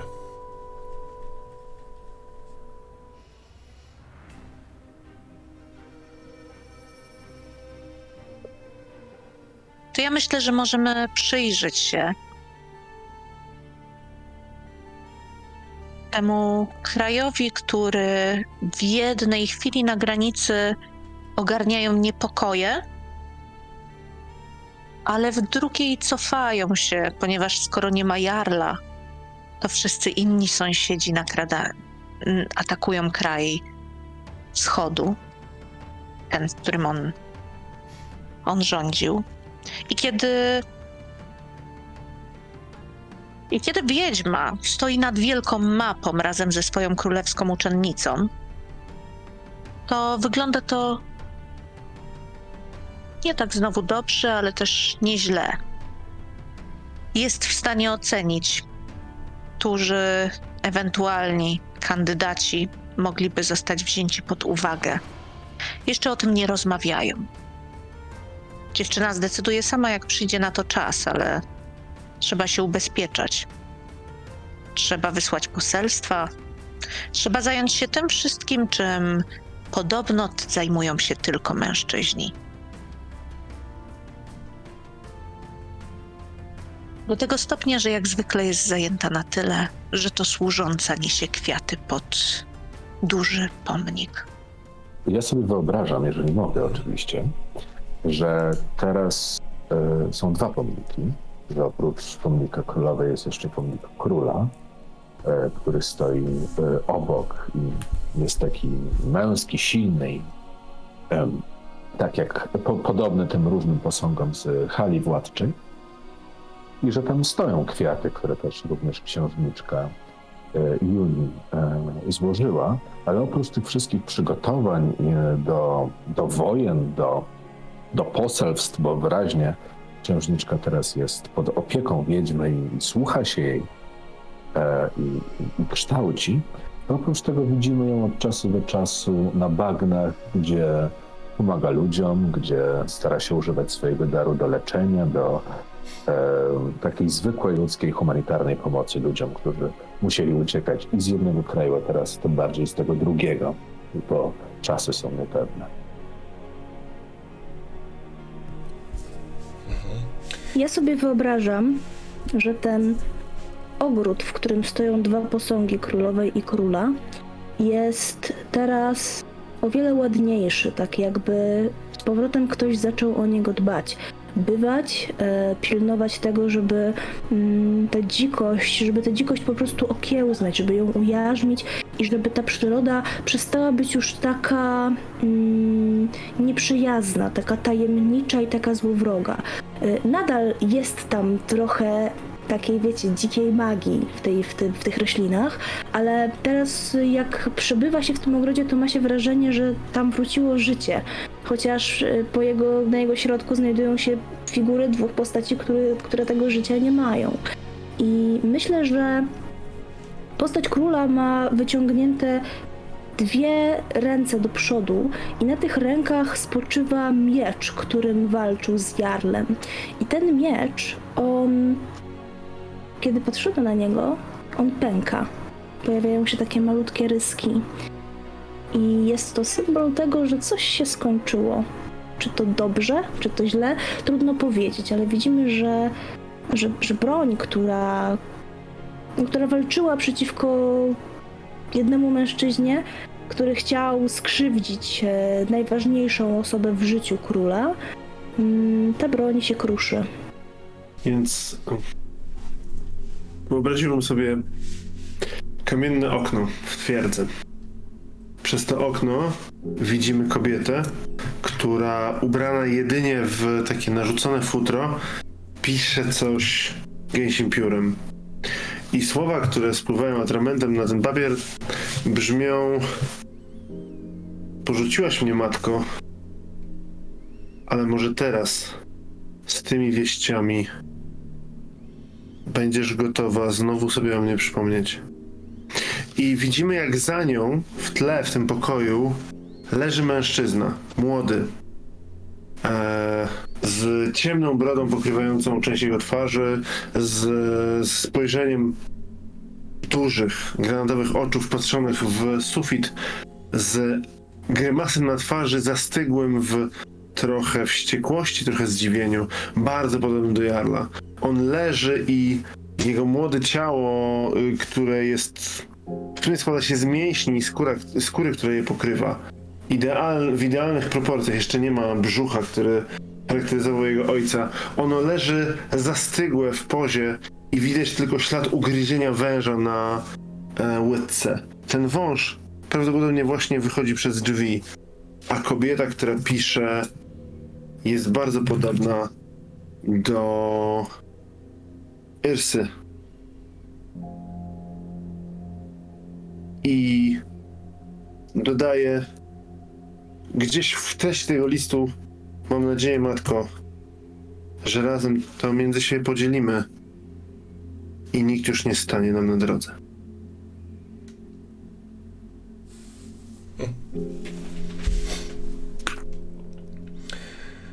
Em, a ja mam, nie, ja mam takie coś. Był moment nie tak dawno, y, że na dziedzińcu tuż przed pojedynkiem y, Yrsa wykrzyknęła w stronę księżniczki obok, który wspartej o ramię rycerza y, teraz uderz w niego.